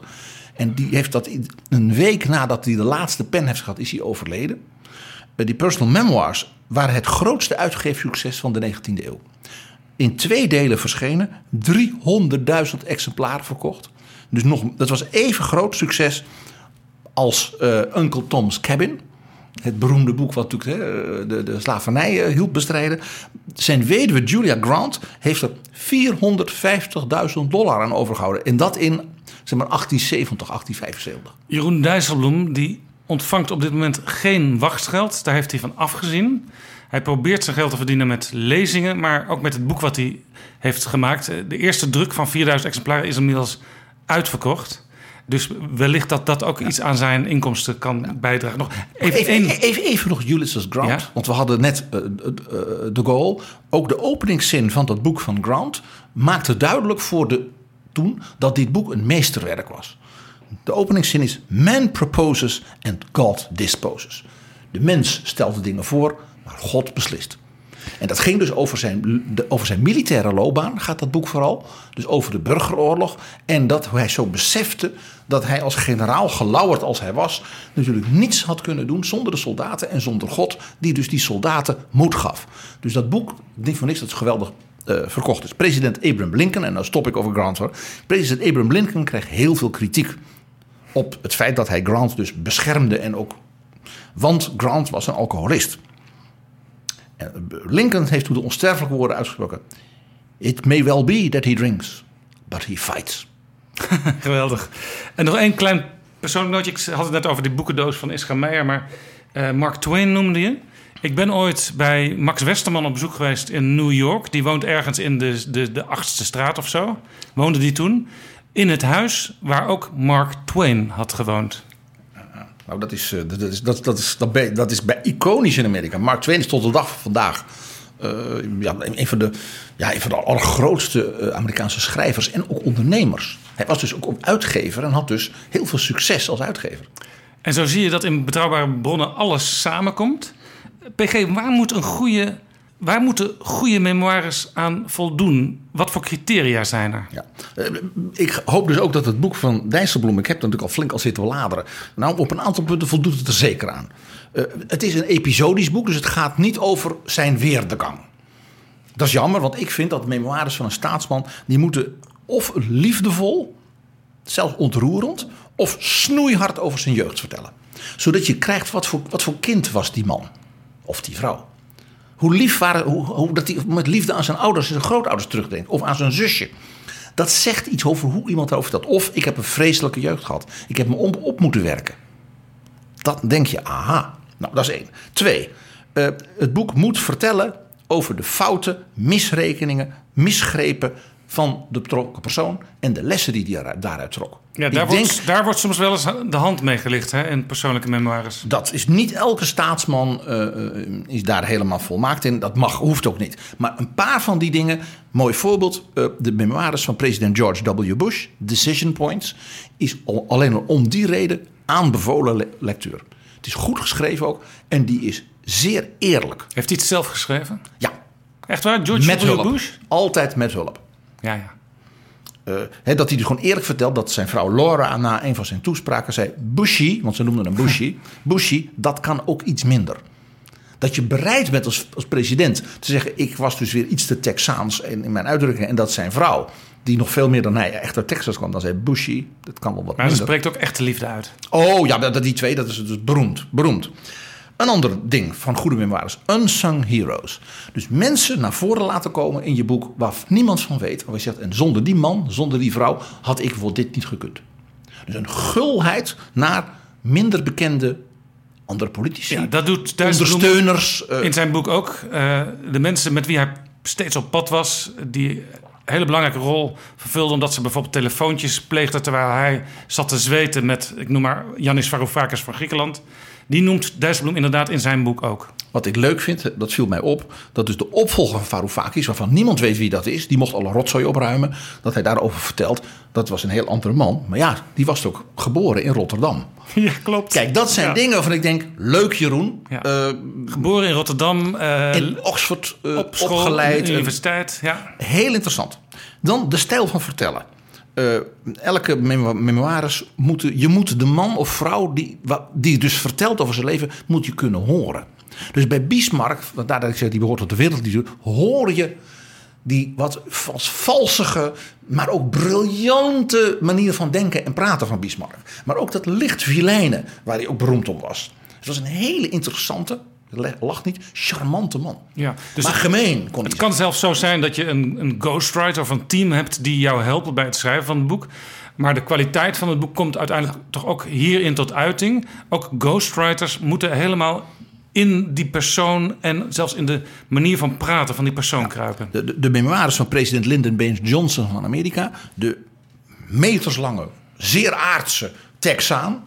Een van de grootste persoonlijkheden ooit in het Witte Huis. Die zijn niet te lezen. Omdat hij zijn ghostwriters waaronder een aantal hele beroemde historici die het enig vonden bij deze man te werken, voortdurend zeggen: ja, maar dat is geen net verhaal, dat kun je niet vertellen. Dat is niet goed voor het presidentschap. Dus je krijgt een soort gesaneerde Lyndon Johnson die alleen maar nobele dingen vertelt. Maar er zijn wel eh, hele goede boeken over Lyndon Johnson verschenen. Gelukkig, sindsdien. Maar die memoires zijn dus volledig mislukt. Dus je kunt eigenlijk beter als je over Lyndon Johnson hebt, die memoires overslaan Nee, en niet lezen. met niet andere lezen. boeken beginnen. Niet lezen. Dan, er moeten een paar lekkere valse afrekeningen in zo'n boek zitten. Het boek moet schaamteloos zijn.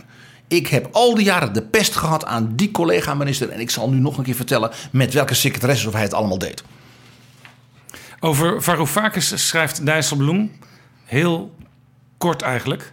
Hij zou grote indruk en schade achterlaten. Ja, hij heeft, heeft zelfs een hele saaie Duitse topambtenaar van de Europese Commissie... die die genoeglijk citeert. Want die is gaan uitrekenen als nou Varoufakis niet in Griekenland had gezeten... dan hadden we die en die maatregelen wel kunnen nemen. Dat de schade aan Griekenland is 100 miljard. En zo las ik. En dan komt dat dodelijke zinnetje, dat dus, waarvan ik zeg dat hoort in zo'n boek. Hij was dus de duurste minister ooit in de geschiedenis. en dan denk ik, oh heerlijk. Ik, hij moet dit echt met satanisch genoeg hebben opgeschreven. En wij lezers worden er beter van. Hoe doet Nederland het als het gaat om memoires? Ik heb daar maar één woord voor. Dit land is een woestenij. Eh, Nederlandse politici doen het niet. Bijna niet.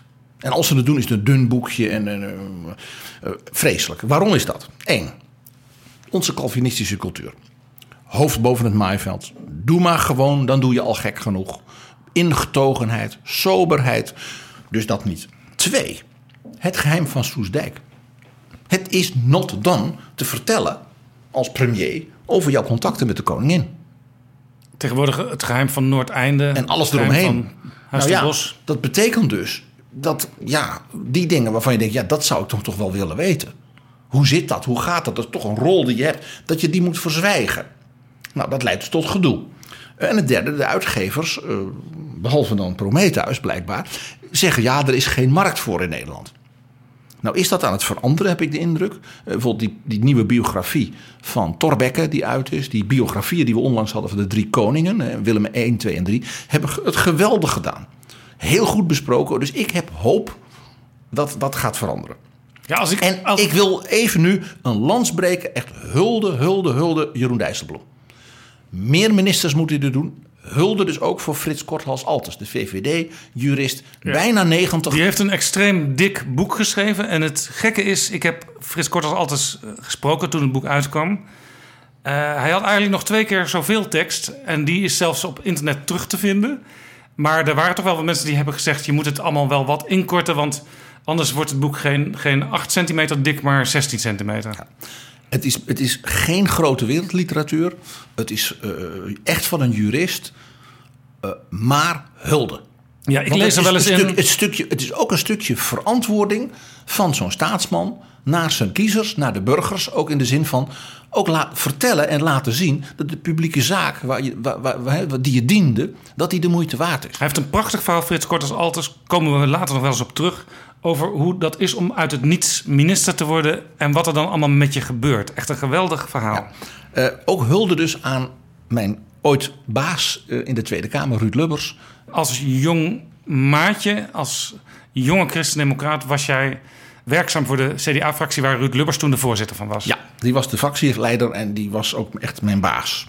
Die stuurde mij dus eh, nou ja, op, op, op boodschapjes, zal ik maar zeggen. Andere keer wel eens. Eh, Ruud heeft dus in het, het laatste van zijn leven, met hulp van mensen, ook van zijn kinderen.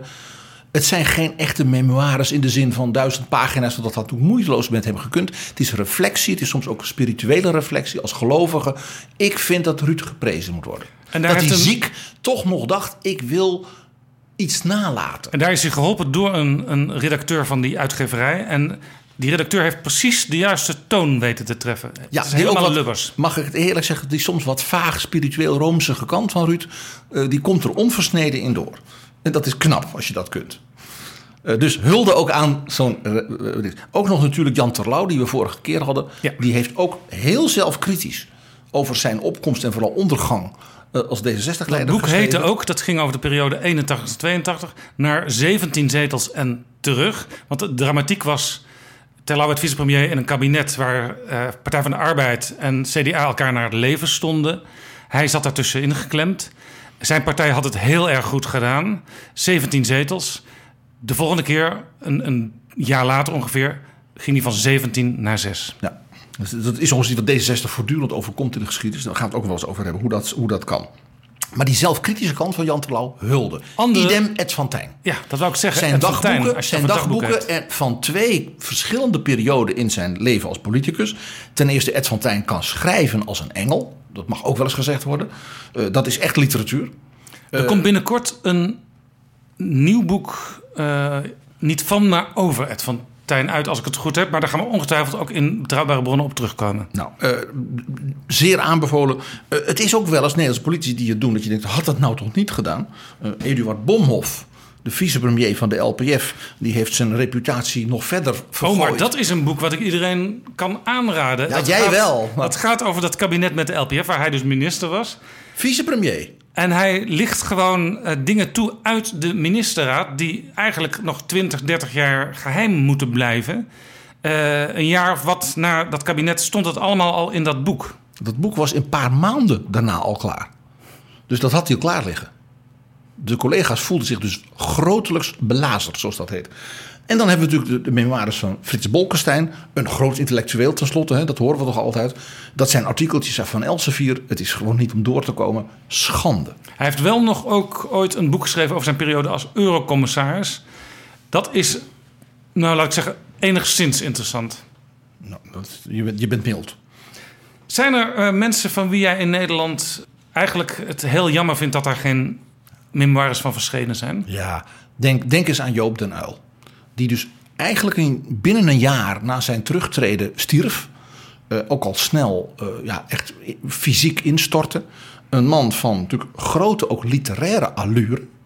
Joop den Uyl kende het, geloof ik, het hele werk van Vazalis. Al die gedichten uit zijn hoofd. Greshoff. En Greshoff en wat niet. Hij kon heel goed schrijven. eh, als het, zolang het maar geen toespraken waren. Eh, eh, dus ja, maar dan ging hij improviseren. En dan, dan Verschrikkelijk. Maar eh, laat ik zeggen, hij had natuurlijk wel die goede Calvinistische scholing.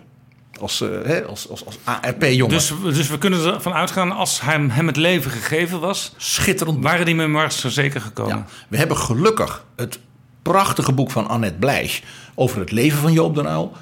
Ik vind dat zij hem daar inderdaad af en toe goed raakt. Eén ding van kritiek. Zij begrijpt niets van zijn gereformeerde eh, opvoeding en de levenssfeer waar hij uitkomt. Dus dat is voor haar een soort vreemd eiland in de Stille Oceaan, eh, waar hij dan opgegroeid zou zijn. Waardoor ze dus heel veel van die typisch Calvinistische, zeg maar, zeg, dominee-achtige kanten van Den Uyl dus niet pakt. Wat ook heel mooi is in dat boek, is je ziet ook de jonge Den Uyl en de jonge Lisbeth Den Uyl, die al vrij snel in zijn leven komt, in oorlogstijd eh, met die situatie omgaan. Dat is heel interessant. Ja, ik vond, ik vond het een prachtig boek, maar die kritische kant mag, mag ook. We krijgen ook niet de memoires, denk ik, vanwege de leeftijd van Frans Andriessen, de KVP-leider, eh, minister van Financiën bij Van Acht, die dus echt heel veel politiek als het ware heeft moeten slikken en moeten knikken. Terwijl hij toch eigenlijk zelf ook dacht dat hij, nou ja, CDA-leider, En uiteindelijk door Wiegel niet gesteund werd in zijn eis dat er meer bezuinigd moest worden. het zoveelste verraad van de VVD. Later ook eurocommissaris geworden. En een van de beste in de geschiedenis. Frans Andriessen heeft een enorme reputatie in eh, Brussel opgebouwd. Eh, die kreeg alles voor elkaar, werd eh, bewonderd, ook door zijn medewerkers. Hij leeft nog, hij is op hoge leeftijd. Eh, eh, maar dus dat boek gaat er niet meer komen. Eh, maar die zou werkelijk ook over het, de katholieke wereld van de jaren 50, 60 en 70... dat toegroeien naar dat CDA met die protestanten... daar zou hij heel bijzonder dingen over kunnen vertellen. Nou, dan natuurlijk de memoires van Hans Wiegel. Hans Wiegel, die nog steeds actief onder ons is met een column in de Telegraaf, regelmatig op radio en televisie. Als hij nou eens die, die, die, die oude mannenpraatjes in de Telegraaf... als hij daar nu eens mee stopte en een serieus mooi boek schreef. Goed, dan heel jammer, werkelijk heel jammer, want hij is overleden. Henk Vonhof. Was er een kleurrijker VVD'er in zijn generatie? Het antwoord is ja, Harm van Riel. Eh, maar die, die man die kon bovendien schrijven. Vonhoff, daar is onlangs wel een, een biografie over verschenen. Ja, en dat, ik, ik, ik, ik, ik moet zeggen, ik heb medelijden met iemand die over zo iemand zo'n boek moet schrijven. Zo kleurrijk. Zo, ja, als je dat kunt, dat, nee, dat lukt niet. Dat lukt niet. Maar goed, het is ook het boek. Maar ik had die memoires willen hebben. En natuurlijk de memoires van Jan de Koning. De beste premier die Nederland nooit gehad heeft. eh, de, ja, zeg maar de aartsvader hè, met Piet Steenkamp van het CDA. eh, de boeren, burgemeesterzoon, hè, die dus in het Europese parlement zei hij dan, als hij dan klaagde over de subsidies in de landbouw, zei hij: Ja, voorzitter, de Nederlandse boeren liggen weer aan de achterste tiet. En dan zei hij tegen- zijn medewerkers: waarom willen die, die tolken dat nou niet vertalen? Nou, zo'n man, bovendien een beminnelijke man, een wijze man. Hij wordt in het CDA door velen tot de dag van vandaag gemist. Hij is ook relatief jong Ja, gestorven. en als je wat meer over Jan de Koning wil weten, dan raad ik je het boek aan van P.G. Kroeger. Eh, het eerste grote deel over de geschiedenis van het CDA, wat hij geschreven heeft samen met Jaap Stam, De Rogge. Eh, daar staat heel veel over Jan de Koning in beschreven. Ja, hij is een beetje de geheime hoofdpersoon. Iedereen dacht, de lezers, dat gaat natuurlijk over Van Acht en over Lubbers. Wij lieten zien dat de echte regisseur, de man die die partij bij elkaar hield, dat was Jan de Koning. En dan hebben we nog Dries van Acht. Dan hebben we nog Dries van Acht. Die heeft alles iets geschreven over zijn tijd in Japan. Een enig boekje. Dries is denk ik toch te springerig, te, eh, eh, te, te vlinderig voor memoires. Jij zegt, er moet in Nederland een cultuur ontstaan zoals die ook in eh, volwassen landen is. Amerika, Engeland, Frankrijk. Elke keer als ik daar Duitsland. Duitsland niet te vergeten. Als ik daar een boekwinkel binnenstap, kasten vol alleen maar soms over één persoon. En hier in Nederland een paar plankjes als je geluk hebt. Ik bedoel, we, zitten allemaal als liefhebbers, Mark Rutte vooraan, te wachten op het vijfde deel van Robert Caro's The Years of Lyndon Baines Johnson. Die naam viel al een Joodse, Joods-Italiaanse, New Yorkse liberal historicus. Die dus nu bijna klaar schijnt te zijn. Hij is 83 met dat vijfde deel. En dat is of je Lyndon Johnson ziet lopen in je kamer als je dat leest. Ik zou zelf willen dat Robert Caro, voor, als dat boek klaar is, de Nobelprijs voor de literatuur krijgt. Als tweede na Churchill voor zo'n boek. Favoriete serie dus van Rutte. En ik weet ook dat... Jan Paternotte van wou ik D66. Ja, ja, ja. Er is een, er is een Caro-clubje eh, hier in Den Haag. En deze drie mannen, waaronder ik zelf, zijn daar als het ware een soort eh, geheim genootschap. Als dat laatste deel uitkomt, gaan wij iets vieren. Dat weet ik nu al. Dan weet u dat vast, lieve, lieve luisteraars. Nou, welke, Betrouwbare Neder- bronnen zal daar dan ongetwijfeld ook bij zijn. nou, wel- wie- welke Al Nederlanders binnen moeten nou hun memoires nog schrijven? Dat zijn ze gewoon verplicht. Om te beginnen natuurlijk Wim Kok. Onze oud-premier van de Partij van de Arbeid. Er wordt nu een boek over zijn leven geschreven door Mannix Krop. Dat is natuurlijk prima, maar dat is niet wat ik bedoel. Ik wil dat Wim Kok zelf vertelt over de timmermanszoon. Die goed kon leren en dan via de vakbond...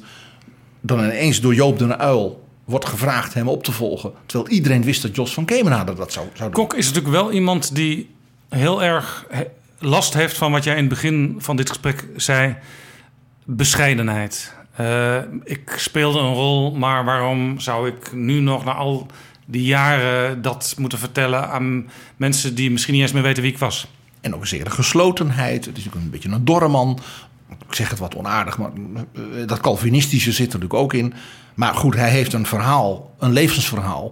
Eh, Ik heb hier opgeschreven, minister van Financiën, premier, de ondergang van Ad Melkert, de ondergang van, van Wouter Bos, de ondergang van, van Lodewijk Asscher. Wij willen toch weten wat Wim Kok daarvan vond en hoe, welke rollen hij speelde.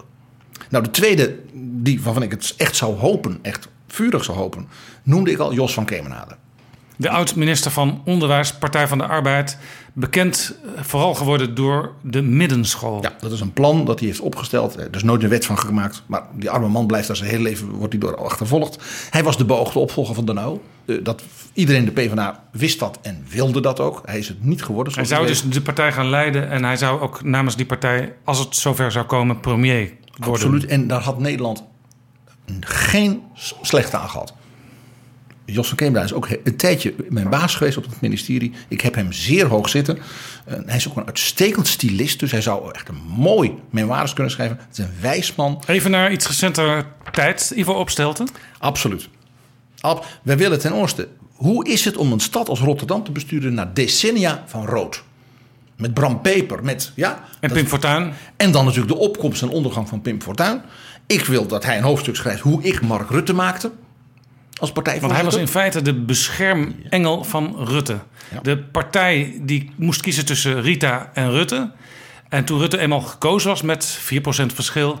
was er nog steeds die aanhang van Rita die opspeelde. En hij moest dat dimmen. Ja. En dus, dus, dus hij heeft Mark Rutte gemaakt in een zekere zin. Als partijvoorzitter. Ja, als partijvoorzitter. En natuurlijk waarom hij mislukte als minister. We willen van hem horen, iemand met zoveel ervaring. Wat ging daar nou mis? Ja. Iemand die eigenlijk de gedoodverfde minister van alles was, die kon het niet. De hoop, Jaap de Hoop Scheffer, die is zich dat verplicht. Aan zijn statuur, hij is nu ook hoogleraar in Leiden. Kamerlid, CDA-leider, eh, secretaris-generaal van de NAVO in Brussel. Minister van Buitenlandse Zaken in de Irak-oorlog. Om eens wat te noemen, in Afghanistan. Eh, daarna dus de, eigenlijk de enige Nederlander op dat niveau in de wereldtop. In de voorbije twintig jaar. Uh, dus zijn opkomst en ondergang als CDA-leider. Zijn wonderbaarlijke uh, renaissance op het wereldtoneel. U wilt toch een portret van president Bush, van Poetin, van Merkel, van Chirac, van Blair, van Saddam Hussein. Uit de pen van Jaap Loop Scheffer. Hij heeft ze allemaal meegemaakt en zeer intensief. Zeer, hij kan er ook ontzettend leuk over vertellen, weet ik, want dat heeft hij wel eens met me gedaan. Dus dan denk ik altijd: Jaap, ga zitten. Hij is nu minister van Staat, dus hij is het eigenlijk een beetje verplicht. Waren dit alle namen van nee. mensen die nee. nog hun memoires zouden moeten schrijven en ik met heb, enige haast? Ik heb vier uh, mannen genoemd en nog één vrouw. Prinses Beatrix. De oude koningin? Jazeker. Haar grootmoeder Wilhelmina heeft een dik memoiresboek geschreven. Dat was een wat spiritueel, wat godsdienstig, maar het was ook heel duidelijk een verantwoording van haar koningschap. Want ze was nou, natuurlijk koningin geweest in oorlogstijd. Toen was er geen jaar. parlement. En zij moest verantwoorden wat zij gedaan had in die periode.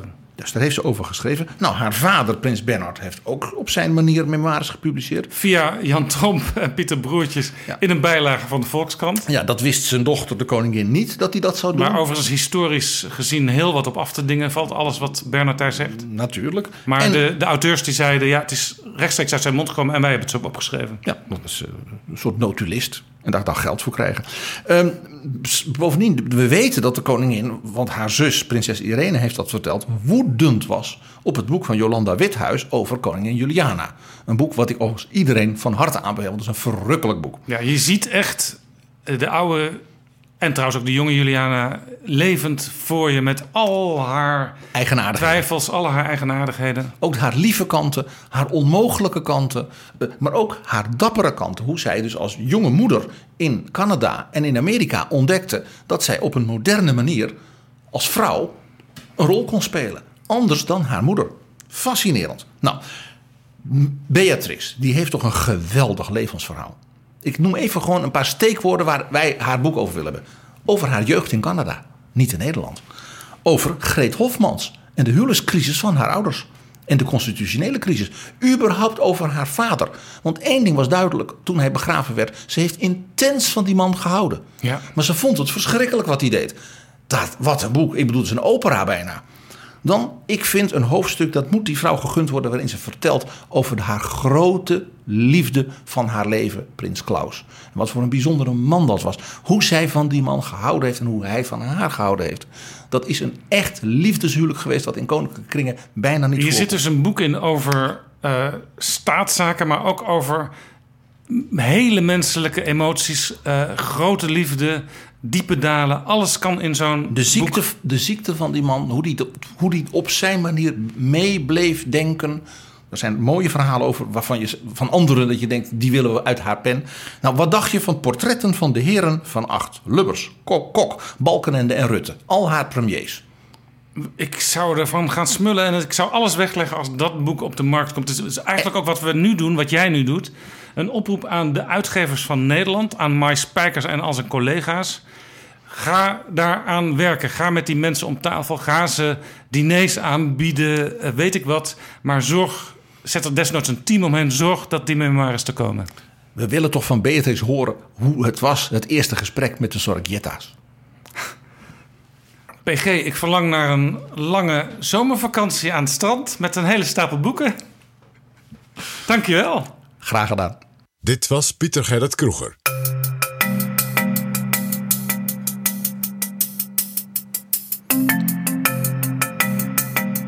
En dan nu tot slot mijn gesprek met oud-Eurogroepvoorzitter Jeroen Dijsselbloem.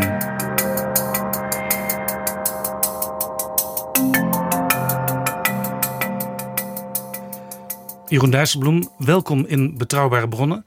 Deze week verscheen uw boek De Eurocrisis, het verhaal van binnenuit. Ik begin een boek altijd met het namenregister achterin. En ik zie de huidige minister Wopke Hoekstra nul keer. En uw toenmalige staatssecretaris Frans Wekers en daarna Erik Wiebes allebei één keer. Dat is niet veel. Nee, dat is niet veel. Ehm, kijk, het boek behandelt 2008 tot het einde van mijn periode als Eurogroepvoorzitter. Ik geloof dat ik nog twee vergaderingen heb uh, gehad als voorzitter. Waarbij Wopke Hoekstra al de nieuwe minister was. Dat waren niet de meest spannende vergaderingen. Um, uh, en als ik er al iets, uh, weet je, ja, je probeert toch in zo'n boek de echte hoogtepunten en dieptepunten van een hele crisisperiode te behandelen. Die zaten niet in die laatste twee vergaderingen. Als ik er al iets over zou zeggen, zou ik overigens nog steeds afwegen. Um, wil ik nou echt de commentator op mijn opvolger worden? Dus dat vind ik altijd. Moet je een beetje terughouden mee zijn. Dat is wel zo chic. Ja, als ik in het uh, naamregister kijk, dan zie ik vooral Jean-Claude Juncker heel vaak voorkomen. Angela Merkel, Mario Draghi. En het vaakst uh, Wolfgang Schäuble. Ja, maar Schäuble heeft natuurlijk die hele crisisperiode. Nou, in 2008 nog net niet. Maar um, uh, kort daarna is hij al minister van Financiën geworden. Um, en was dat bijna tot, tot, mijn, tot het einde van mijn periode. Dus dat was al een reden waarom die er vaak in voorkwam. Duitsland is natuurlijk veruit de grootste economie. Hij heeft uiteindelijk dus, ook een onderscheiding uh, gehad hè, van, van Nederland. Door Wopke Hoekstra uitgeraakt. Ja. Kijk, en uh, je moet je realiseren dat Schäuble was natuurlijk in uh, Zuid-Europa, zeker in Griekenland, grote boeman. Nog meer dan, dan Dijsselbloem. werd afgebeeld in nazi-uniformen. Zo allemaal weinig niet fraai. Uh, tegelijkertijd uh, heeft Schäuble ook in Duitsland, waar steun aan Griekenland nog minder populair was dan in Nederland, uh, ook steeds het uitgelegd aan de Duitse kiezers en aan zijn eigen partij, die er helemaal genoeg van had. En dat vind ik het knappe van dit type politici. Overigens, die onderscheiding heeft hij ook gehad voor een enorme carrière. Dus hij is ook minister van Binnenlandse Zaken geweest, heeft de hele hereniging van Duitsland uitonderhandeld, um, vorm gegeven. Um, uh, ja, het is wel echt een indrukwekkende ja, uh, politicus. Een politieke hoor. reus. Een politieke reus. En dat heb je ook gewoon in die eurocrisis uh, gemerkt. Um, het beeld was... Heeft natuurlijk wel eens het beeld neergezet. Dijssel was het schoothondje van Schäuble. Als je dit boek leest, zie je waar, waar ook wij natuurlijk gewoon een andere insteek hadden. Ja, want u was niet per definitie altijd met elkaar eens? Nee, nee, zeker niet. Um, op sommige punten ging hij uh, veel verder. Het grappige was dat hij zei altijd tegen mij: Ik ben veel pro-Europeeser dan jij. Ik ben een groter Europeaan dan jij. En dan zei ik altijd voor de grap: Ja, dat klopt. Je hebt ook de Karlsprijs gehad en die zal ik waarschijnlijk nooit krijgen. Maar er zat ook een kern van waarheid in. Hij was bereid om hele grote stappen te zetten in het federaliseren van Europa tot en met een economische regering. Maar dan moest ook, zeg maar, ook Frankrijk, Italië en Spanje al zijn bevoegdheden inleveren. En dan gingen we het ook meteen goed en degelijk en op zijn Duits uh, doen. Ja, nu was dat altijd, gaat nooit. U was altijd als Kamerlid, kan ik me herinneren, wat terughoudender als het over Europa ging. Ja, want ik vind helemaal niet dat uh, hele grote beleidsterreinen. Wat zijn nou grote beleidsterreinen? Uh, volksgezondheid, onderwijs, sociale zekerheid, onze pensioenen vind ik helemaal niet dat dat Europees beleid moet worden. Die zijn zeer geworteld en historisch gegroeid. Zijn typisch Nederlands. En in andere landen zijn ze ook echt heel anders. Ja, ons pensioen is zelfs gevaarlijk. Hè? Want wij hebben heel goed gevulde pensioenkassen. En andere landen hebben, daar kun je bijna de bodem zien soms. Ja, dat is zo. Ja. En andere landen zijn ook nog sneller aan het vergrijzen dan, uh, dan wij. Zonder dat er een goede pensioenvoorziening is. Dus daar zitten nog wel wat problemen voor de toekomst. Um, van de andere kant, uh, kijk, Schäuble kon soms dit soort hele uitdagende stellingen poneren. Oké, okay, ik ben bereid om alles over te dragen aan Brussel, maar dan onder de volgende voorwaarden. Wetende dat de Europese landen die voorwaarden nooit zouden accepteren. En dan kon hij zeggen, zie je wel, ik ben een grotere Europeaan dan jij. En dan zei ik altijd, ja, dat is waar. Dus eigenlijk, als Frankrijk, om maar een land te noemen, had toegehapt... dan, dan had er dus nu een Europese minister van Financiën kunnen zijn. Jawel, maar nogmaals, uh, ook in Duitsland zou dat uh, in werkelijkheid. En dit is altijd een beetje. Het was ook een beetje de stijl van Wolfgang Schäuble. Hij kon heel provocatief zijn. Dus ook provocatief in zijn zogenaamde pro-Europese vergaande voorstellen. In de wetenschap dat dat nooit zou gebeuren. Uh, ook in Frankrijk is natuurlijk een debat over hoe ver gaat die invloed van Europa eigenlijk. Moeten die echt zoveel zeggenschap hebben over wat wij nationaal of in Frankrijk regionaal willen doen? Ze hebben daar natuurlijk ook gewoon de opkomst van uh, het Front Nationaal. Ik geloof dat het tegenwoordig anders heet. Um, nee, dus dit zijn. Maar goed, uh, ik abstraheer maar even van of Schäuble dat nou allemaal meende, of dat het spielerij was, provocatief. En er was misschien ook een soort ehm, rolverdeling, hè? want u moest natuurlijk uiteindelijk uh, de compromissen sluiten. Zeker. En hij kon dan naar een kant gaan hangen, wetende dat er heel veel andere landen aan de andere kant hingen. Ja, ja zeker. Kijk, dus uiteindelijk, um, hij kon soms voorstellen op tafel leggen waarvan hij ook al wist dat gaat het nooit worden. Uh, een daarvan is, hij heeft bij herhaling aan de Grieken gesuggereerd en op een gegeven moment ook in een voorstel opgeschreven. De Grieken moeten maar tijdelijk, dat vond ik al een lastig concept, hè, als je erover na gaat denken, tijdelijk uit de euro. Vijf jaar had hij het over. Bijvoorbeeld vijf jaar. Um, uh, en dan zei hij erbij, dat was dan de worst die hij de Grieken voorhield. Zodra u dat doet, kunnen wij verdragsrechtelijk nadenken over schuldverlichting. Zolang u een euroland bent, staat in het verdrag dat wij u geen schulden, wij gaan geen schulden van Griekenland overnemen. Maar zei hij, als u geen euroland meer bent, dan geldt situatie. dat niet meer. Dan kunnen wij eens nadenken over schuldverlichting. Ja. En daar zat natuurlijk iets filijns in, want ja, zeg dan tegen de Grieken: durf nou die stap te zetten en verlaat de eurozone, dan geven we je schuldverlichting. Maar die stap zou voor Griekenland zoveel impact hebben, zo schadelijk zijn. Ze zou echt economisch en politiek in een, in een wildernis stappen. Nog even over Schäuble. U had met hem ook een soort afspraak op een bepaald moment. Eh, toen was u aan het onderhandelen in het Europees Parlement. Want het Europees Parlement die wordt ook bij bepaalde nieuwe regelingen betrokken. Als u buiten het mandaat dreigde te gaan, dan zou u hem waarschuwen en overleggen of het zinvol was om dat toch te doen. Ja, dit was bij de, een van de onderdelen van de bankenunie was een uh, resolutiefonds. Dat is een soort reddingsfonds voor banken, waarvan mijn stelling is dat het nooit gebruikt moet worden. Dus we hadden ook allerlei drempels en regels van eerst moet je de bail-in, dus eerst moeten investeerders bloeden. Oh nee, eerst moeten natuurlijk banken veel meer reserves en buffers hebben, zodat ze zelf verliezen kunnen opvangen. Zijn de verliezen nog groter, dan moeten de investeerders raken een deel van hun geld kwijt. En als dat allemaal is afgelopen, en dan heb je een fonds nodig. Dus die onderhandelingen gingen over dat fonds. Um, de Duitsers wilden gewoon puur nationale fondsen houden. Uh, anderen wilden onmiddellijk al het centjes bij elkaar en één groot fonds vormen. Dus de zuidelijke landen dus, neem ik aan? De zuidelijke landen, niet allemaal. Uh, dus, dus, dus, het was soms ingewikkelder dan alleen maar Noord-Zuid. Maar goed, even voor het verhaal. Um, en wij hebben voorgesteld om uh, ten eerste elkaar te verplichten. Natuurlijk, die strenge bail-in-regels uh, moesten vast worden gelegd. Alle banken moesten het fonds vullen. Niet overheden, maar banken. Dat moest in de komende acht jaar gebeuren. En aan het einde van die acht jaar zou het fonds echt een Europees fonds worden. En in die acht jaar pakken we dan nog resterende problemen in de banken aan. En uiteindelijk ging de discussie, want het, eindigt altijd in een paar issues. Een van de issues was, hoe snel gaan we nou risico's delen? Is het, gaat het in één keer van 0 naar 100 procent in acht jaar, over acht jaar? Of gaat het geleidelijk? En toen had ik tegen Schäuble gezegd, want hij maakte zich daar zorgen over. Ik, nou ja, eh, als ik in de onderhandeling met het parlement daar concessies moet doen, dan, uh, dan zal ik je informeren. Dan hoor ik het wel.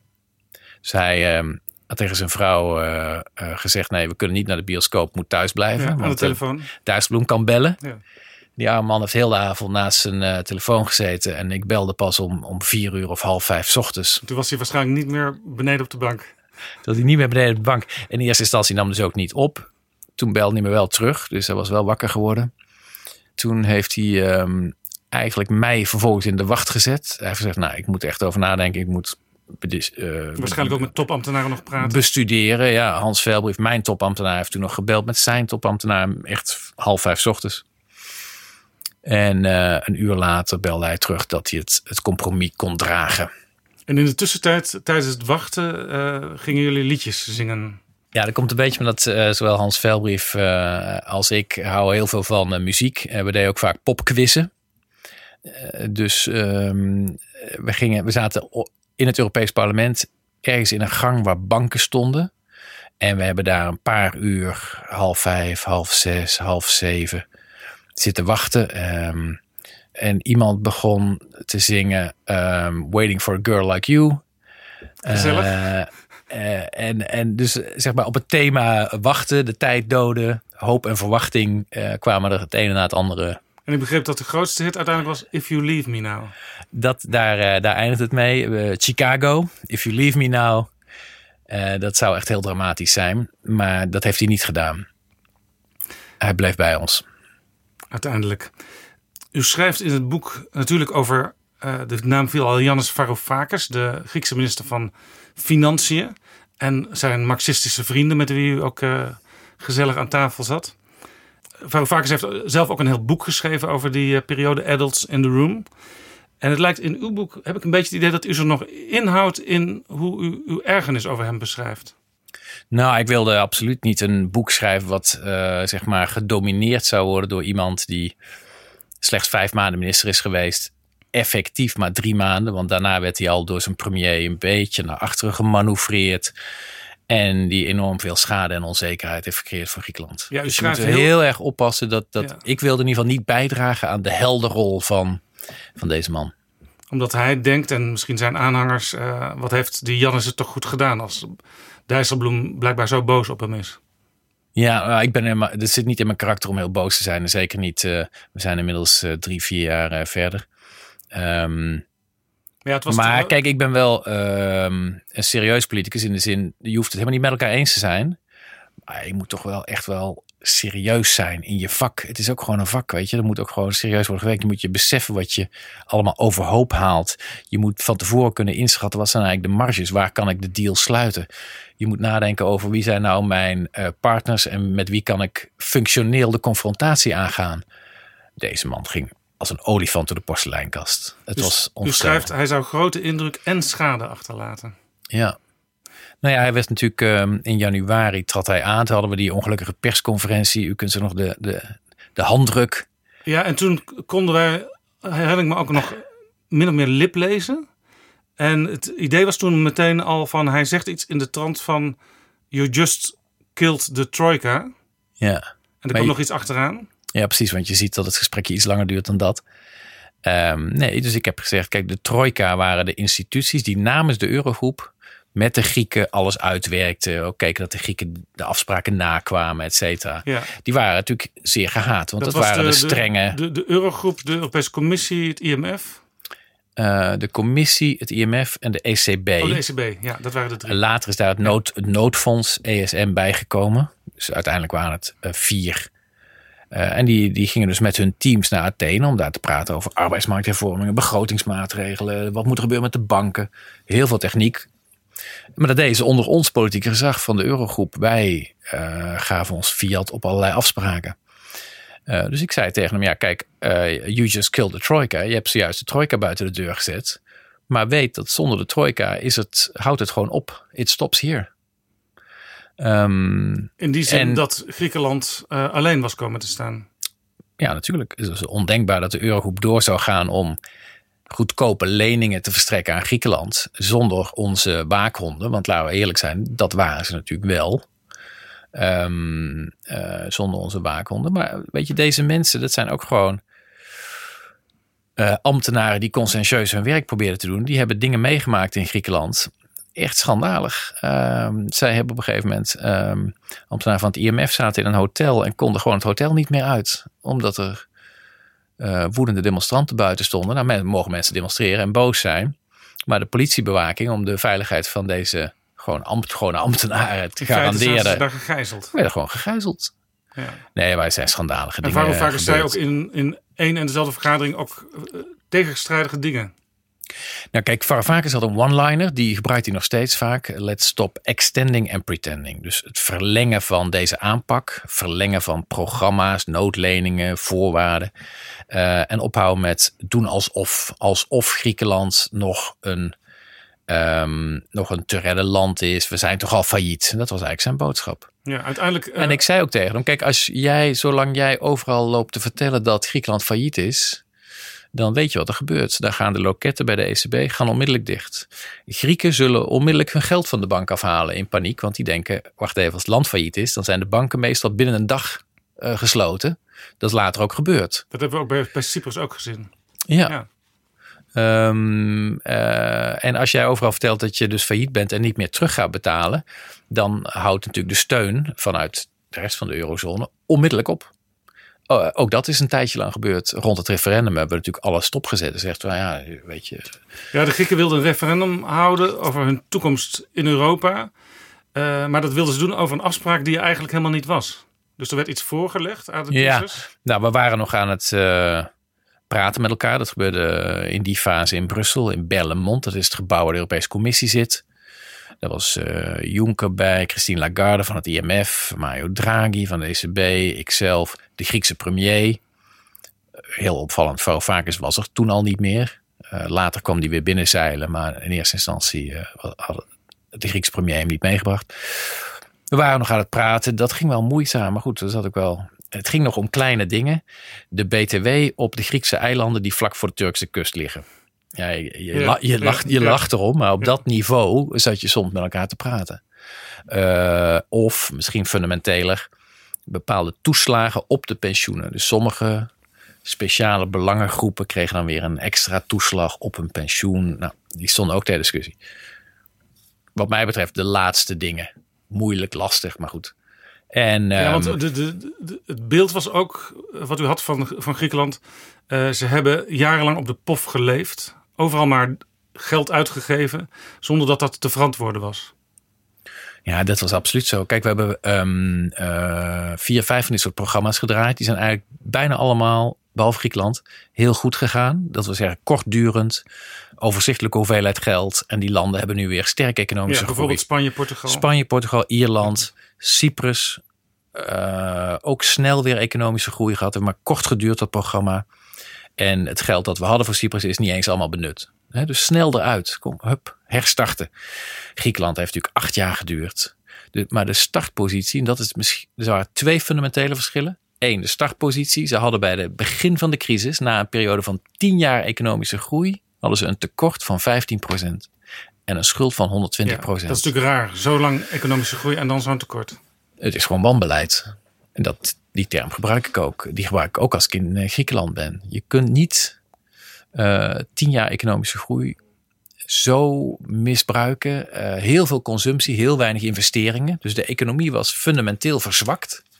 Ze hadden de lonen enorm verhoogd in korte tijd, waardoor ook hun concurrentiekracht was weg. Uh, rond 2000 was Griekenland nog een exporterend land. Uh, ja, ik geloof sommige, sommige lonen met 40% verhoogd gemiddeld besteedbaar inkomen met 40% verhoogd. Ambtenaren salarissen uh, 80 en in sommige gevallen zelfs 110 of 112% verhoogd in zes jaar tijd. Ik zeg het nu uit mijn hoofd. Het staat allemaal in het boek. Het enige land waar het, waar het erger was, was denk ik Zimbabwe. Maar dat zat niet in de eurozone. Nee, Zimbabwe die um, had natuurlijk waanzinnige inflatie en die devalueerde steeds de, de Zimbabwean pound is het ja, waarschijnlijk. Ja. Um, dat kon uh, Griekenland niet, omdat ze de euro hadden. Maar in die tijd was de euro natuurlijk heel goedkoop. Dus wat was nou de. de dat is ook een interessante vraag. Oké, okay, wanbeleid in Griekenland. Was er nou een relatie met de euro? ja, je zou dus kunnen zeggen. De euro heeft eigenlijk wel ervoor gezorgd dat Griekenland daar uiteindelijk misbruik van kon maken. De, de, ja, het de was, was zo'n fijne valuta, ook zeker voor Griekenland. Ja. Um, ook voor Griekenland werd het heel goedkoop om geld te lenen. En dat waren ze niet gewend.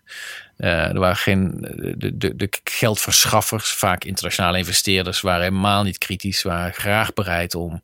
Ja, er, was ook, vaak gezegd, er was ook heel veel geld in beschikbaar. Feite, toen we Griekenland gingen helpen, hielpen we ook vooral uh, de kredietverstrekkers, bijvoorbeeld in Noord-Europa. Want ook, die wilden ja. hun geld natuurlijk uiteindelijk terug. Ook dat is waar. Dus kun je gewoon cijfermatig laten zien dat de Franse en Duitse banken, en natuurlijk in feite de investeerders via die banken, leenden geld uit in Griekenland aan bedrijven, maar vooral aan de overheid. Dat een mensen tekort van 15% moest natuurlijk wel worden gefinancierd.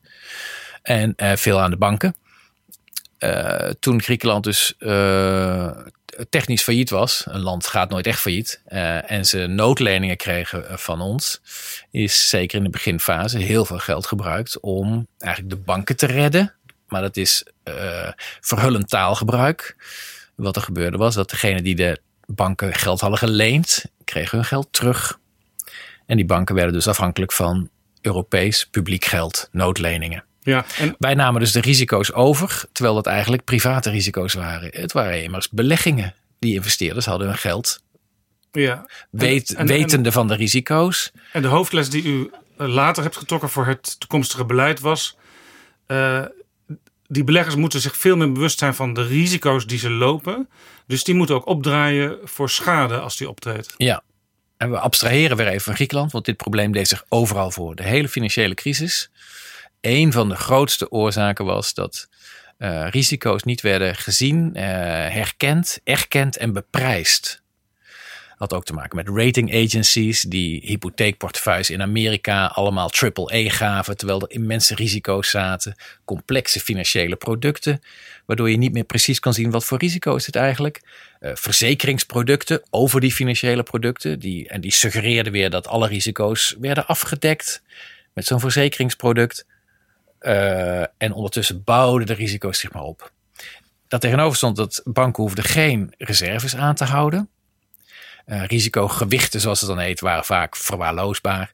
Kapitaalseisen aan banken zijn in de jaren 90 en in 2006 nog, vlak voor de crisis, nog verlaagd in Amerika. Ja, op die, op die banken wil ik straks nog even terugkomen. Maar eh, als we even nog focussen op Griekenland. Op een gegeven moment nam premier Alexis Tsipras... die nam in feite het roer over. Er kwam uiteindelijk ook een, een, nieuwe eh, minister van Financiën... waar u, schrijft u in een boek, wel goed mee kon, kon samenwerken. Ehm, maar dus uiteindelijk had de Griekse regering... ook al was het een, een hele linkse partij... zeg maar een soort Griekse SP... die was er wel van bewust... we moeten gewoon samenwerken... want anders komen we gewoon niet uit, uit die misère. Ja, omdat ze hebben natuurlijk gewoon lopende uitgaven. Ze moeten aan het einde van de maand weer de pensioenen betalen. Eh, en eh, eh, er kwam nog steeds te weinig geld binnen. Of ze moeten aan het einde van de maand weer aflossingen doen op oude leningen. Eh, en daar komt te weinig geld voor binnen. Dus ze waren echt nog afhankelijk van ons. Ik vind dat nooit prettig. Ik vind het niet fijn als mensen afhankelijk van mij zijn. Ehm, en eh, de deal was natuurlijk: oké, we zijn dan bereid jullie te helpen en jullie leningen te verstrekken. Maar dan moet je je zaak op orde brengen. Tsipras heeft uiteindelijk. Maar dan moet je ook begrijpen wat voor figuur Varoufakis was. Het was geen partijman. Hij had geen geschiedenis in de partij Syriza. Hij was een outsider, had lang in Engeland gezeten, in Amerika en Australië les gegeven Speltheoreticus. een speltheoreticus. Dus hij wist heel veel van die zeer wiskundige kant van de economie. Theoretisch, de naam zegt het al. Ehm, en was zich gaandeweg de crisis eh, ook gaan uiten als criticaster van de eurozone, et cetera. En daarom heeft Tsipras hem gevraagd om minister te worden. Ehm, maar wat heel weinig basis in die partij was dus ook niet heel erg van plan om zich al te veel gelegen te la- laten liggen aan die partij. Nee, hij had geen loyaliteit aan de mensen daar. Nee, en hij werd natuurlijk vanaf januari al heel snel een wereldster. Ik bedoel, letterlijk. eh domineerde alle kranten. Een enorm image van de grote uitdager die het establishment Ja, aanpakt. Nou, dat doet het in deze tijd heel goed. En hij werd groter dan Syriza, groter dan Tsipras zelfs. De premier kreeg minder Hij werd een aandacht. soort, soort Asterix die het opnam tegen het grote rijk. Ja, maar deze Asterix had dus niet zoveel boodschap meer aan het kleine dorpje waar hij vandaan kwam. Of zelfs aan zijn grote vriend Obelix, premier Tsipras. Ehm, hij werd groter dan, Griekenland. En ehm, dat verklaart ook waarom hij op een gegeven moment steun verloor. Tsipras heeft afgewogen, weet je, ik wil het beleid veranderen. Ik wil dat Griekenland weer een toekomst heeft. Allemaal nobele motieven, maar hij realiseerde zich ook, dat kunnen we alleen maar binnen Europa en met steun van Europa doen. Want als we echt eruit vallen, dan maken we een enorme armoedeval naar beneden. En overigens zou ook zijn politieke toekomst weg zijn, want gedurende die hele crisis is toch 60, 70 procent van de Grieken bleef zeggen: we willen wel in die eurozone blijven. Ja. Vanwege het toekomstperspectief, stabiliteit. U bent, u bent eh, in verband met de publicatie van het boek met Nieuwsuur naar Griekenland geweest. En toen zei u in het gesprek met Nieuwsuur: ja, uiteindelijk hebben we die Grieken toch te hard aangepakt. Dat vond ik een hele rare uitspraak. Want u was het wel zelf vijf jaar lang die aan het hoofd van die eurozone stond en eh, dat proces leidde. Ja, maar dit is een beetje. Als je omkijkt, mag je niet kritisch zijn op jezelf, want dan is het een rare uitspraak. Hè? Dus Nieuwsuur vroeg: eh, waar kijk je nou kritisch op terug? En ik heb verschillende dingen genoemd. Eén um, daarvan, uh, dat is in de uitzending gekomen, is we hebben heel veel hervormingen. Het gaat nog niet eens zozeer om bezuinigingen waar ik op doelde, maar hervormingen, veranderingen bij de Belastingdienst. Er moest een kadaster komen. Op alle fronten moest de overheid, de publieke sector, het pensioenstelsel moest worden aangepast. Dus alles moest tegelijk. En uh, een van de dingen waardoor de effectiviteit ervan wel tegenviel, was dat we alles tegelijk deden. Dus dat geen. We hadden niet nagedacht over wat is nou het allerbelangrijkste, wat doen we eerst en hoe zorgen we dat het goed wordt ingevoerd. Of kwam het gewoon voort uit het idee van tot nu toe hebben ze bijna niks gedaan, in ieder geval veel te weinig. Laten we gewoon dit allemaal maar opschrijven, dan beginnen ze vast wel ergens. Nee, kijk, ik denk dat uh, de analyses waren niet nieuw. Het IMF heeft al tien jaar voor de crisis een rapport uitgebracht over het pensioenstelsel in Griekenland. Dat het totaal uit de hand was gelopen. Mensen gingen steeds vroeger met pensioen, betaalden veel te weinig premie. Er moesten tientallen miljard elk jaar van de gewone begroting naar de pensioenfondsen toe, omdat er gewoon te veel geld uitging. Dus de IMF had al jarenlang de analyse gemaakt: jongens, dit is niet vol te houden. Langer werken, meer pensioenpremie betalen en lagere pensioenen. De Griekse pensioenen zijn inderdaad heel fors verlaagd. Daar is in Nederland ook veel aandacht voor geweest. Is dat niet te hard?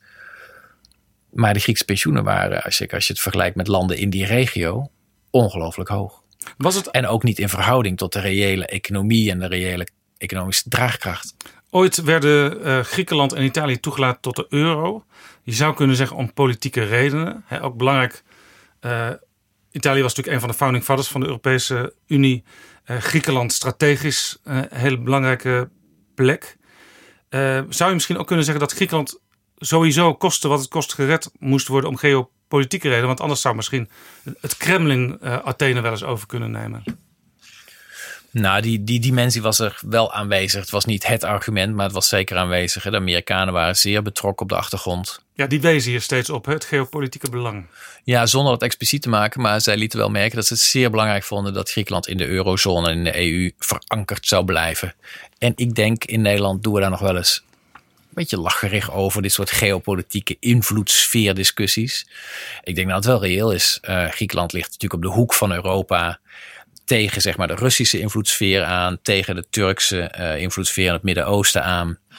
Um, dus natuurlijk een. Uh, als het zo is dat Poetin een strategie heeft van het destabiliseren van de randen van de EU, uh, dan zou Griekenland natuurlijk wel een hele interessante plek zijn. dus die dimensie, jongens, laten we nou Griekenland, het is economisch een klein land in Europa, maar het is, ligt politiek wel op een hele gevoelige plek. Laten we dat nou erbij houden. Niet ten koste van alles. Niet zonder een serieus programma. Dus vandaar ook die strengheid. Uh, die problemen, die veelheid aan dingen die we tegelijk hebben aangepakt. Dat moest ook allemaal.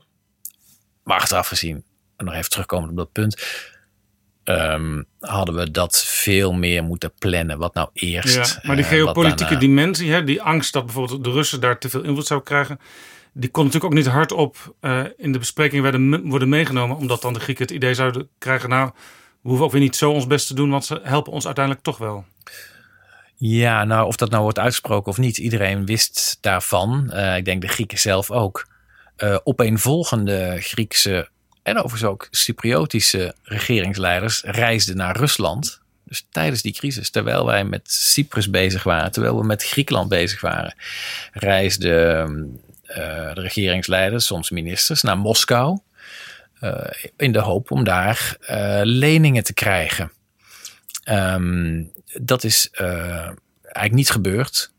Ver voor mijn tijd heeft, Griek, heeft Cyprus ooit een 2 miljard lening gekregen van, van Rusland. Um, maar later heeft Rusland gezegd: nee, u moet echt bij de eurozone zijn. Dus dat suggereert ook wel weer als het is misschien zelfs de vraag of Rusland uiteindelijk wel voldoende fondsen heeft om dat soort reddingen uit te voeren. Ja, ik denk dat dat voor hen niet heel aantrekkelijk was. Um,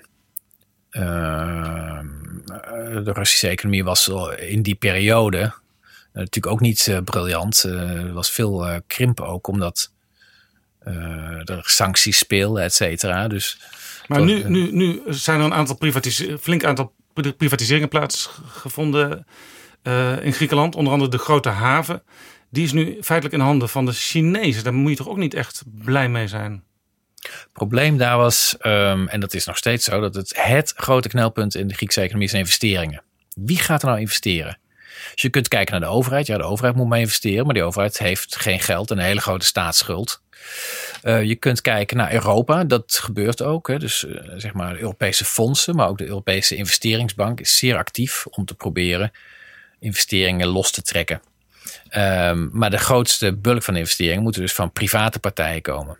Nou, in Griekenland, nog steeds heel belangrijk, vanuit Europa, maar ook van buiten Europa. Uh, Chinese bedrijven investeren ook in Nederland. Ik weet niet of u het weet, maar het is echt zo. Ja, maar uiteindelijk... En als een Chinees havenbedrijf zegt: wij willen in Thessaloniki een deel van die haven uh, herontwikkelen, want dat was sterk verouderd, terwijl het wel een, qua locatie een, een, een tophaven zou kunnen zijn. Dus zij hebben inderdaad een groot deel van die haven nu en dat managen ze zelf. Maar het Ja. lastige is, want China heeft ook heel veel, doet ook heel veel dingen in eh, Afrika, investeringen. Ja. Dat dat geopolitiek misschien natuurlijk ook uiteindelijk niet zo fijn is voor ons in het Westen. Ja, maar dat ik zou iets preciezer willen zijn welke investeringen dan goed zijn en welke niet. Hè? Dus we moeten niet een soort. We hebben in de jaren tachtig discussie gehad over Japan neemt de wereld over en we moeten Japanse investeringen tegenhouden. Dat volgens mij die kant moeten we niet meer op. Ik maak me meer zorgen over Chinezen die eh, toptechnologie in handen eh, proberen te krijgen door gewoon bedrijven in Europa. En dat gebeurt echt as we speak. Bedrijven in Europa proberen te kopen vanwege de technologische kennis. Dat is natuurlijk strategisch veel belangrijker dan een klas, vrij klassieke containeroverslag. Eh, als een Chinees bedrijf in Rotterdam een overslagterminal wil openen, dan kan dat ook. Ja, nog even over het redden van Griekenland. Eh, uw premier, premier Mark Rutte, die wilde op een gegeven moment de Grieken laten vallen. Nee, Hij zei in de verkiezingscampagne van 2012: er gaat geen geld meer naar de Grieken. Ah, daar doelt u op. Ja. Eh, toen was hij nog niet mijn premier. Eh, we moeten even heel precies zijn. Ja. Dus wij hebben natuurlijk later een coalitie gevormd. Daarin heb ik Kort daarna. Eh, heel goed eh, samengewerkt eh, met Mark Rutte. VVD was natuurlijk, overigens net als de Partij van de Arbeid en bijna heel de Tweede Kamer, buitengewoon kritisch op de situatie in Ja, want Griekenland. had wel natuurlijk ook toen u zat te onderhandelen op allerlei niveaus steeds contact met premier Rutte. Zeker. En premier Rutte had dan altijd wel hele kritische vragen over waar u mee bezig was. Zeker. Hij, ehm, dat kon zijn dat hij iets las in de Financial Times of in de Telegraaf. En dan werd de telefoon gepakt. Hoe zit dit? Gelukkig wist ik dan meestal meer dan de journalist die het stukje had geschreven. Dus ik kon het plaatsen en uitleggen en aangeven hoe we ermee omgingen. Ik heb het ook nooit mooier gemaakt dan het was. Ik bedoel, eh, ook in het boek niet. De problemen in Griekenland zijn complex, eh, soms hopeloos, maar daar kun je ook niet aan toegeven. Eh, het gaat jaren duren. Maar er is ook een pad waar je ook Griekenland weer uit die crisis kunt trekken. Rutte Ehm. was dus kritisch, maar de fractie van de VVD die was nog veel kritischer. Die had ook een enorme interne discussie. En op een bepaald moment leek het erop of de fractie misschien wel niet meeging met het kabinetsbeleid. Ja, nou dat heb ik natuurlijk voor een deel pas later eh, gehoord. Er zijn meerdere fractievergaderingen geweest waarbij echt de meerderheid van de fractie, waaronder ook de, top van de fractie, de buitenlandwoordvoerder, de financieel woordvoerder, de fractievoorzitter zelf, Halbe Zijlstra, eigenlijk het, derde programma voor Griekenland gewoon niet meer wilde steunen. Nu zegt de VVD daar, ik beschrijf dat in het boek, nu zegt de VVD-fractie daarover dat is eh, niet juist. Punt. Zonder verdere toelichting. Ik hoef alleen maar te verwijzen naar het Kamerdebat, waarin Mark Harvers woordvoerder was. En Mark Harvers het heel zwaar had met heel de Kamer hem aanviel, zowel links als rechts, omdat hij zich niet uitsprak. Ja, want hij liet ook een soort van genuanceerd eh, beeld achter. Enerzijds, anderzijds. En uiteindelijk wist men nog niet wat de VVD uiteindelijk zou gaan doen. Nou, hij heeft letterlijk gezegd: ehm, wij zullen het kabinet niet tegenhouden, omdat er anders eh heibel ontstaat. Het kabinet valt, crisis in Europa. Om die reden zullen wij het niet tegenhouden. Ja, eigenlijk zijn we het er letterlijke niet, mee eens, maar Ja, Ja. Dat, is, dat was denk ik voor eh, iedereen eh, heel duidelijk. We zijn het er niet mee eens. Maar ja, als we tegenstemmen, hebben we een grote mot in de tent. Te beginnen in de VVD natuurlijk zelf. in het Nederlandse kabinet. en wat, hoe had het in Europa opgelost moeten worden. Het grappige was, maar goed, het is voor de liefhebbers van het politieke spel. Toen werden er dus moties ingediend in dat Kamerdebat. De ene motie zei geen geld meer naar Griekenland. En de andere motie zei we steunen het kabinet. Wij steunen dit derde programma. Je had Pechtold Ja. ingediend. Nou, die, Die eerste, laatste? die, Die eerste was die natuurlijk eerste van de was PVV. natuurlijk van de PVV, dat kunt u uittekenen. Maar Pechtold was zo filijn om ook een wij steunen het kabinetmotie in te dienen. Om te kijken of de VVD daar Ja. wholeheartedly achter zou staan. En de VVD heeft geen van beide moties gesteund. En in het Nederlandse parlement werkt het dan zo. Als er geen meerderheid is die zegt: u Ja. mag het niet doen, Dan is er ook geen vraag aan het kabinet. dan mag het kabinet verder. Ehm, de financiële markten die zijn natuurlijk heel, die waren natuurlijk heel gestrest in die periode. Ehm, op een gegeven moment herinner ik me, had, de, had u een interview in de Financial Times. En daar vertelde u dat eh, de aanpak van Cyprus, waar dus voor het eerst ehm, de beleggers zelf ook moesten eh, kreunen voor de schade die was aangericht. Dat zou een template, een soort mal zijn voor de toekomstige aanpak. Eh, de financiële markten in rep en roer. U kwam die avond bij Pauw en Witteman. Ik was daar redacteur. Ik ontving u. En wij waren eigenlijk op de redactie waren we, ehm, ja, waren we nerveuzer dan u zelf. Want u kwam doodgemoedereerd binnenlopen. Keek nog twee keer op uw telefoon. eh, ging nog koffie drinken. Eh, wat, mij, wat me toen opviel in dat moment van crisis en chaos in de financiële markten. U was de rust zelf. Nou, het was ehm, een krankzinnig moment, omdat voor het eerst sinds die grote financiële crisis zeiden we eigenlijk tegen die investeerders, tegen die financiële markten: Oké, de afgelopen jaren hebben wij u steeds gered met bail-outs, belastinggeld naar de banken gegooid, zodat u niet failliet ging. En van nu af aan gaan we dat gewoon niet meer doen. Ehm, en ja, dat leidde tot een schok op de financiële markten. Heel veel mensen begrepen het ook niet, eh, vonden dat allemaal heel gevaarlijk, vonden dat ik enorme fouten had gemaakt.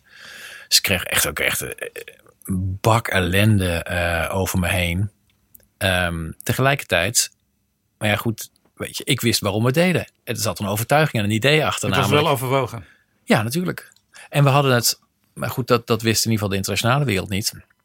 Wij hadden bij SNS, we hadden SNS net genationaliseerd. Echt letterlijk weken ervoor was de SNS Reaal, bankverzekeraar, Ja. Glaasje bedankt. genationaliseerd in Nederland. En daar hadden we een bail-in op toegepast. Dus we hadden de rekening voor de belastingbetaler niet helemaal naar nul. Achteraf gezien had ik dat graag gedaan. Maar daar was nog helemaal geen juridisch kader voor. Dus we hebben de rekening voor de belastingbetaler van die redding enorm verlaagd. Door aandeelhouders en een deel van de obligatiehouders te laten bloeden. Dat is niet leuk hoor. Er zijn mensen echt geld kwijtgeraakt. Maar het is wel terecht, want een belegger die heeft geen garantie op zijn rendement. Heeft zelfs geen garantie dat hij zijn geld terugkrijgt. Beleggen is risico nemen. Dus dat is een van de belangrijke maatregelen die u toen heeft genomen in de Eurogroep.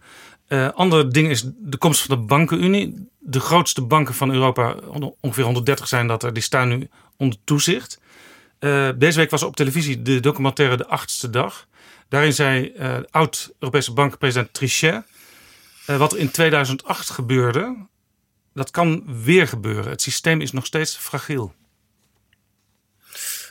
Ja, ehm, ik zou zeggen, het bankensysteem is behoorlijk fundamenteel veranderd. Eh, We hebben veel meer reserves, buffers. Eh, we moeten nu een bail-in toepassen, staan onder centraal en veel strikter toezicht, et cetera, et cetera. Banken zijn ook veel kleiner geworden. Nederlandse banken zijn echt veel kleiner dan voor de crisis. Dus al die risico's zijn aangepakt en ze kunnen meer verliezen opvangen. Maar er zit iets anders in. Ehm, in de financiële wereld is iedereen driftig altijd op zoek naar rendement. Dat is gewoon begeerte. Dat, geeft niet, dat is menselijk. En mensen die heel erg eh, gespitst zijn op rendement en hogere rendementen, meer winst. Ze hebben altijd de neiging om risico's te onderschatten. Zo is IceSafe bijvoorbeeld eh, ontstaan en tot een enorm eh, puinhoop eh, Natuurlijk, geworden. een spaarders in Nederland, in Duitsland, in Engeland Er was kreeg- ook sprake kregen- van 6% rente of zoiets. kregen heel weinig rente, vonden ze zelf in, in Nederland of Engeland. En dat was via internet kon je je geld zo overmaken aan een bank in, ehm, in IJsland. Die eh, inderdaad iets van, ik weet niet meer, maar laten we zeggen 6% bood. Eh, hoe ze dat eigenlijk waar konden maken. Wat, dus het risico in dat IJslandse bankje. Daar werden hem geen vragen over gesteld. Ook niet door toezichthouders achteraf bezien. Ehm, en dit fenomeen is van alle tijden. En dat vergt dus continue alertheid. Waar zitten die risico's nu? Ik denk dat ze veel minder bij de banken zitten. Maar waar zitten ze dan nu? Ja. En in welke landen? Jaap Koelewijn, econoom, die zegt het bankwezen is inherent niet stabiel. Het gaat erom of je het kunt managen. Heeft hij daar eigenlijk gelijk in? Ja, daar heeft hij gelijk in. Kijk, ik vind ook niet dat je risico's moet proberen tot nul terug te brengen. Eh, bij zaken doen hoort, horen ook risico's. Als je rendement wil halen, moet je soms ook risico nemen. De vraag is, kun je het dragen? Ken je de risico's? Onderken je ze? En beprijs je ze? Be- beprijzen betekent, ik wil best geld aan jou eh, uitlenen, Jaap. Maar als jij heel veel geld voor mij wil lenen, dan gaat er wel een risicoopslag boven. Want ik weet niet wat jij verdient ehm, in jouw huidige functie. Eh, dat is het beprijzen van risico. Als we dat allemaal niet doen, geld is goedkoop. Oh, je wil geld hebben hier. Eh, dan bouwen de risico's zich op. We beredeneren ze allemaal weg. En op een gegeven moment roept ineens iemand: de keizer heeft geen kleren aan. En wat er gebeurt in de economie en in- zeker in de financiële sector, is dat dan, nadat we eerst allemaal onszelf in slaap hebben gesust op zoek naar rendement, ineens is paniek. En dan rennen we allemaal weg. Ook overdreven vaak. Dan dumpen we allemaal onze aandelen of we rennen allemaal weg uit Indonesië. Of... En ehm, dat is het instabiele wat Koelewijn eh, bedoelt. Dat, dat zit er absoluut in. En dus is het belangrijkste, een van de belangrijkste lessen uit de crisis is dat wij moeten de partijen die werken in de financiële sector, de partijen die beleggen, die geld schuiven, moeten we dwingen, dat doen ze dus niet graag, moeten we dwingen om risico's te beprijzen en daar dus ook geld voor te reserveren, zodat ze hun eigen verliezen kunnen opvangen. Dat is de stabiliteit, dat is de buffer die we in moeten bouwen. Kees Vendrik van de Triodosbank die zegt... de dodelijke omhelzing tussen banken en overheden is er nog steeds. Ja, dat is ten dele waar. Ehm, bijvoorbeeld, eh, er zijn, omdat we in het verleden ooit hebben gezegd... een bank moet natuurlijk bepaalde delen van zijn kapitaal aanhouden... ehm, in eh, obligaties met weinig risico die ze snel kunnen verkopen. Daardoor hebben veel banken staatsobligaties op de balans staan. Ehm, veelal van hun eigen overheid. Dus als het fout gaat met overheid X, die komt in de betalingsproblemen, Dan gaat het ook fout met die bank. dan heeft die Voordeel. bank heeft al die staatsobligaties zijn, maar die moeten ze afwaarderen. Want die zijn ineens minder waard. Want die overheid die kan niet meer aflossen of die zit in de problemen. Wie wil die staatsobligaties nog hebben? Dus die zijn minder waard. En dan moet die bank moet verliezen nemen en komt in de problemen. Ook hiervoor geldt, dat heet dan legacy. Dus dat is een erfenis, een erfenisprobleem. Eh, op dit moment zie je het al afnemen. Eh, in sommige landen meer dan andere landen. Eh, maar iedereen is zich bewust van dit risico. Iedereen weet dat het omlaag moet. Er is een serieuze discussie over. Moet er niet gewoon een plicht komen voor banken om of die hoeveelheid staatsobligaties te verlagen, of daar risicoreserves voor aan te leggen voor als het fout gaat. Ja, en, en u heeft ook ervoor gezorgd in Europees verband dat eh, de eis om een bepaald percentage eigen vermogen aan te houden, dat die opgeschroefd werd.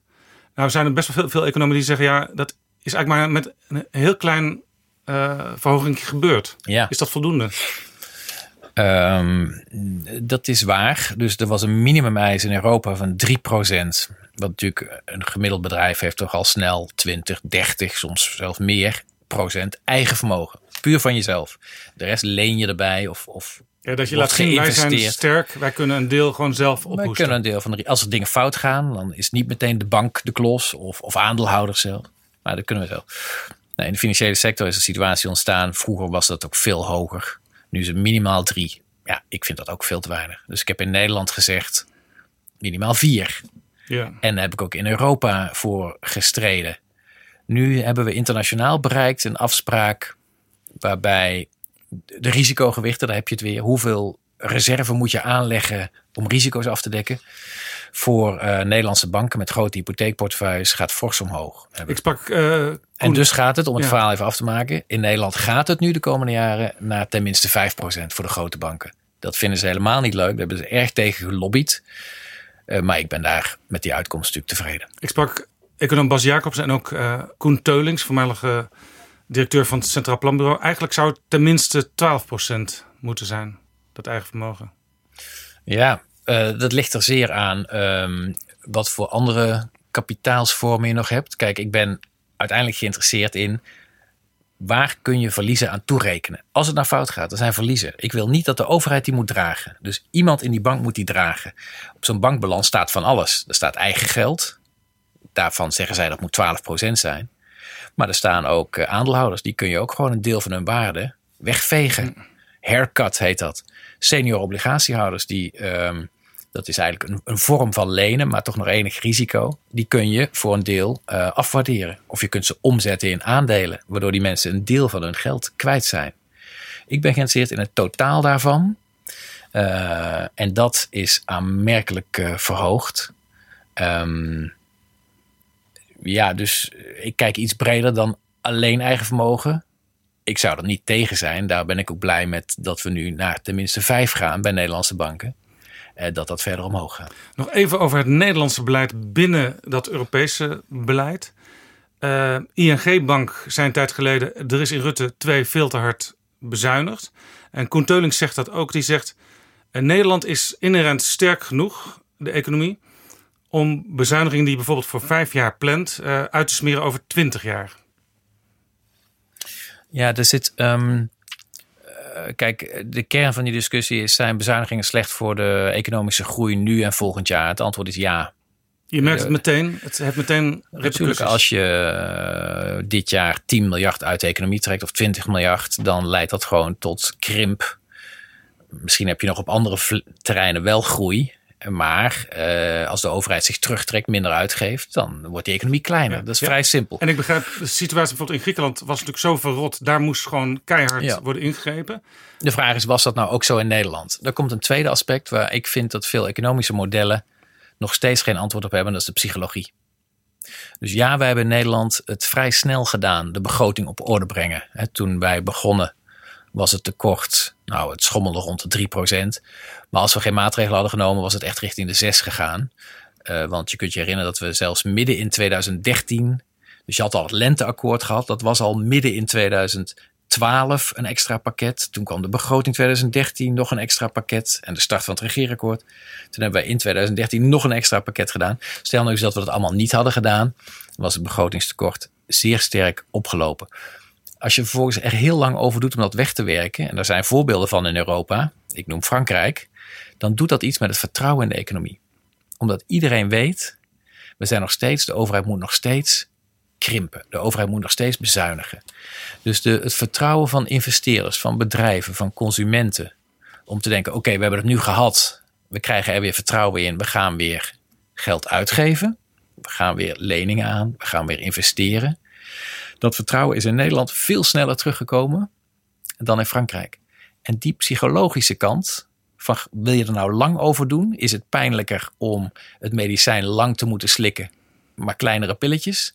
Of geef mij maar in één keer die zetpil, dan ben ik er doorheen. En maar die zetpil leidde op dat moment wel toe dat er iets van 5 à 6 procent minder groei was. In het economisch model.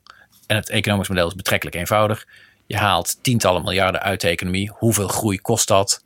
Groei is banen. Ja, en de Fransen dus hadden, hadden daar minder last van, want die, die smeerden het over een langere periode uit.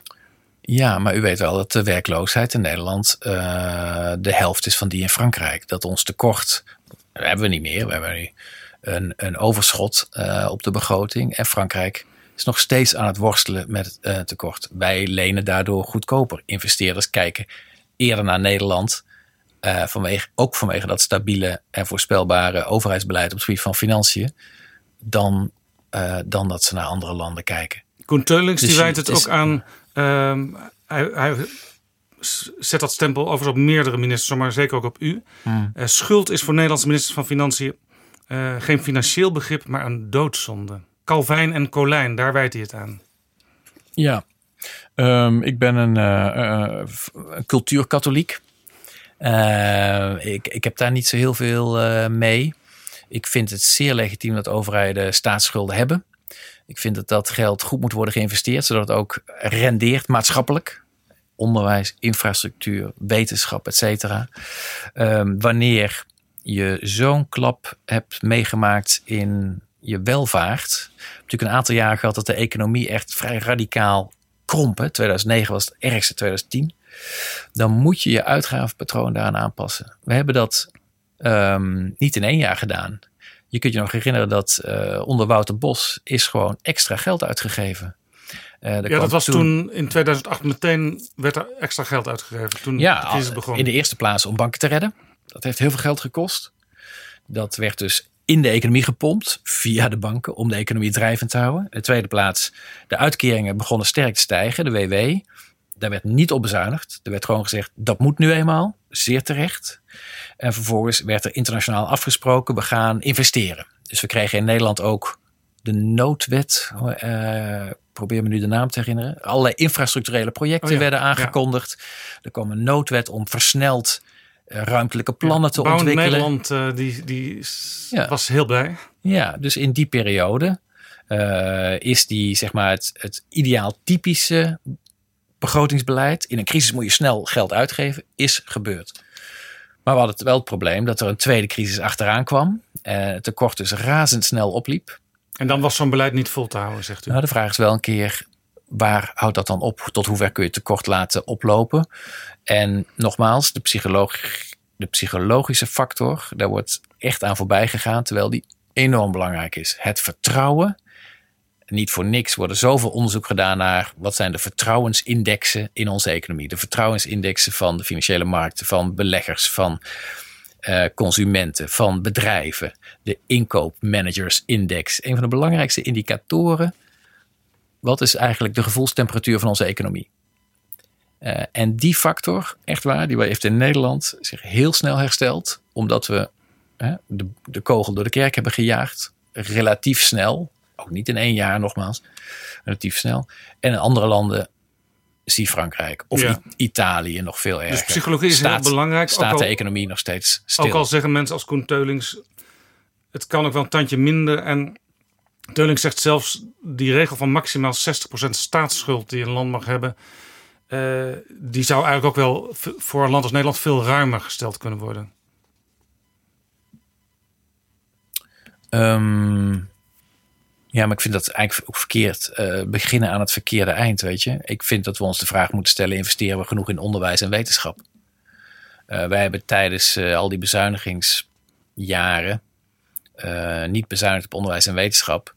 Maar op dit moment is echt de vraag: hoe krijgen we die bestedingen, overigens heel Europa, omhoog? Als je ons afzet tegen de VS en China, is echt een enorm probleem aan het worden. Dat gewoon onze wetenschap, onze universiteiten zo ja, beperkte middelen. Ik bedoel, ze zijn goed geoutilleerd hoor. We hebben goede universiteiten.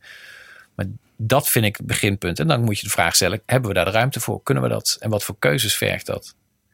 Aan de andere kant beginnen. Dit is erg macro-economie. We moeten de economie aanjagen. Eh, Teulings en ook Bas Jacobs vinden dat ook nu, nu we zo'n sterke economie hebben en de werkgelegenheid zo snel groeit en er zoveel vacatures zijn, de overheid de economie moet aanjagen. Ja, ik weet het niet of dat nu verstandig is. Dus ik vind eerder dat we moeten kijken waar geven wij eigenlijk ons geld aan uit, dan dat we moeten zeggen alle plafonds moeten worden losgelaten en de economie moet worden aangejaagd door de overheid. U bent nu ambteloos burger. Wat gaat u doen? Ehm, u bent de eerste die het weet, maar ik kan het nog niet beantwoorden. U bent gevraagd door een grote bank om in Brussel te gaan lobbyen. dat, dat is ook waar, maar ik ga er verder niet veel meer over zeggen. Ik bedoel, ehm, ik ga niet in de financiële sector werken. Ik geloof sterk dat ministers van Financiën die gewoon echt rechtstreeks verantwoordelijk zijn voor banken, eh, als wetgever, als, eh, soms als aandeelhouder, eh, echt een afkoelingsperiode moeten hanteren voordat ze dat soort overstappen maken. Want onmiddellijk zal de integriteit van alles wat ik gedaan heb, zal ter discussie worden gesteld. U zou mij als journalist onmiddellijk vragen: ja, u gaat nu voor deze bank werken. Wanneer wist u dat eigenlijk? Heeft u daar rekening mee gehouden toen u moest beslissen over kapitaalseisen of over de bonusbeleid bij ABN AMRO?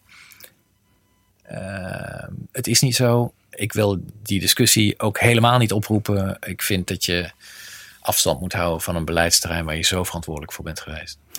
U was ooit uh, als Kamerlid eurosceptisch.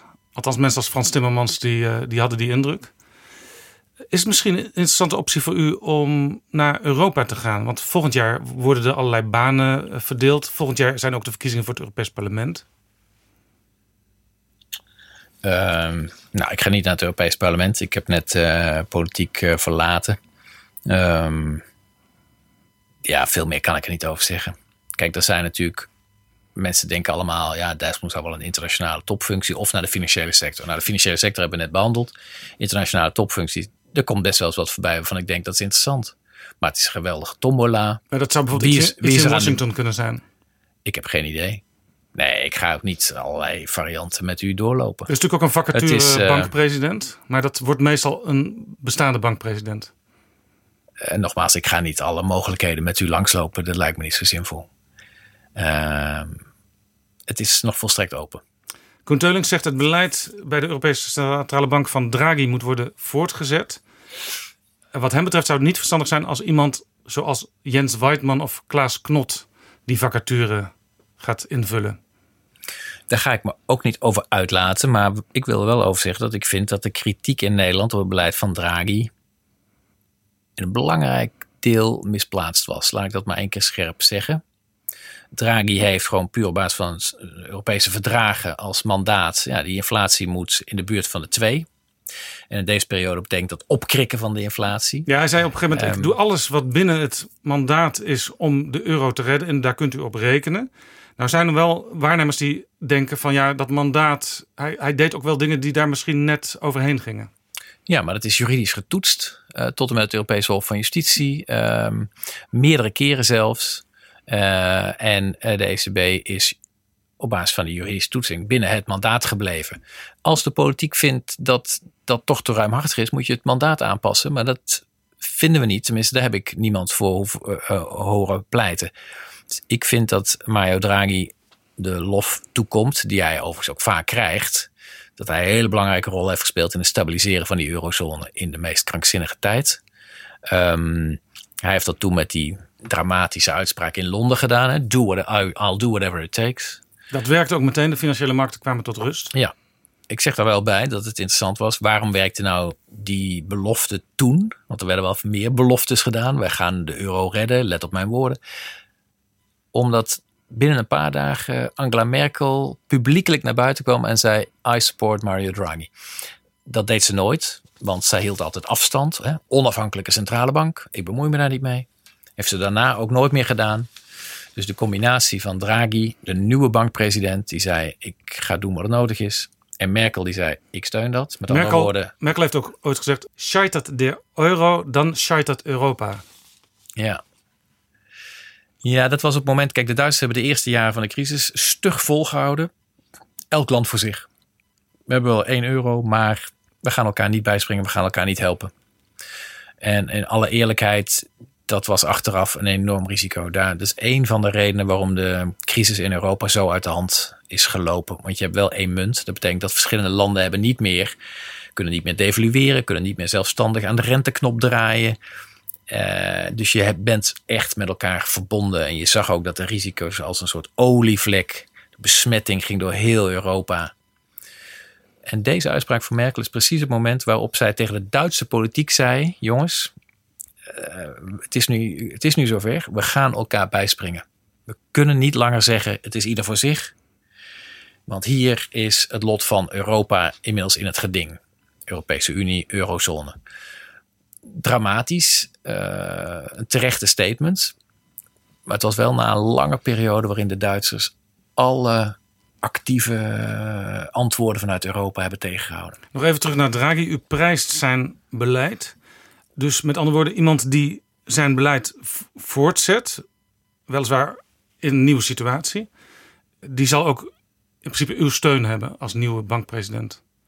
Ja, maar je kunt niet zeggen dat je Draghi's beleid nu moet voortzetten. Ik denk dat Draghi dat zelf ook vindt. Eh, de eh, eurozone-economie draait op dit moment eh, heel aardig. Eh 2017 was zelfs een verrassend sterk jaar. Nu is het weer iets teruggezakt. Ehm, maar eigenlijk groeien we in de eurozone boven wat dan wordt genoemd potentiële groei. Hè? Als je kijkt naar de stand van investeringen en de vergrijzing. En dus moet de ECB nu ook weer stappen terug gaan zetten. Hebben ze ook aangekondigd, gaan ze ook doen. Ze gaan minder opkopen, dat gebeurt al. Straks is het nul opkopen. Eh, dan overigens is die balans nog steeds heel erg lang. Ze hebben nog steeds heel veel obligaties eh, in huis. En er komt ook een moment dat ze dat moeten gaan loslaten, opruimen. En dat de schappen van de kasten van in Frankfurt weer leeg moeten worden. Vaak zie je in Europa. Dus met andere woorden, de opvolger van Draghi heeft gewoon een andere uitdaging. En als Draghi nog tien jaar zou blijven, zou hij ook zijn eigen beleid van de afgelopen jaren natuurlijk niet voortzetten. Nee, vaak zie je in Europa dat iemand wordt opgevolgd door een persoon uit een ander deel van Europa. Eh, zou Klaas Knot de nieuwe bankpresident kunnen worden? Nee, ik ga echt niet over personen eh, en banen en zo maar verder uitlaten. Nee, ik ga daar verder niet. Ik wil echt oppassen dat ik een soort commentator word van de oud-minister die nu vanaf de zijlijn en dan nog wel op zijn eigen beleidsterrein uh, ineens allerlei opvattingen heeft en zo. Dan dus... nog even over iets waar u wel zelf verantwoordelijk voor was. Uh, uw eigen partij, de Partij van de Arbeid. Uh, als je het boek van Wilco Boom leest, waarin heel veel interviews staan met mensen die in de Partij van de Arbeid een, een rol spelen en gespeeld hebben. U zelf wordt daar ook in geïnterviewd. Dan zijn er nogal wat mensen uit de Partij van de Arbeid die zeggen: ja, wij zijn ook ten onder gegaan, die negen zetels die we nu nog hebben, door het technocratische beleid van mensen als Dijsselbloem. Ja, ik heb dat, uh, ik heb dat ook gelezen. Um, uh, kijk, technocratisch zeg maar niet zoveel. Wij hebben, uh, dat was de grootste afspraak onder het regeerakkoord. Ja, we gaan geleidelijk onze financiën op orde brengen. Ja, we gaan die economie uit het dal trekken.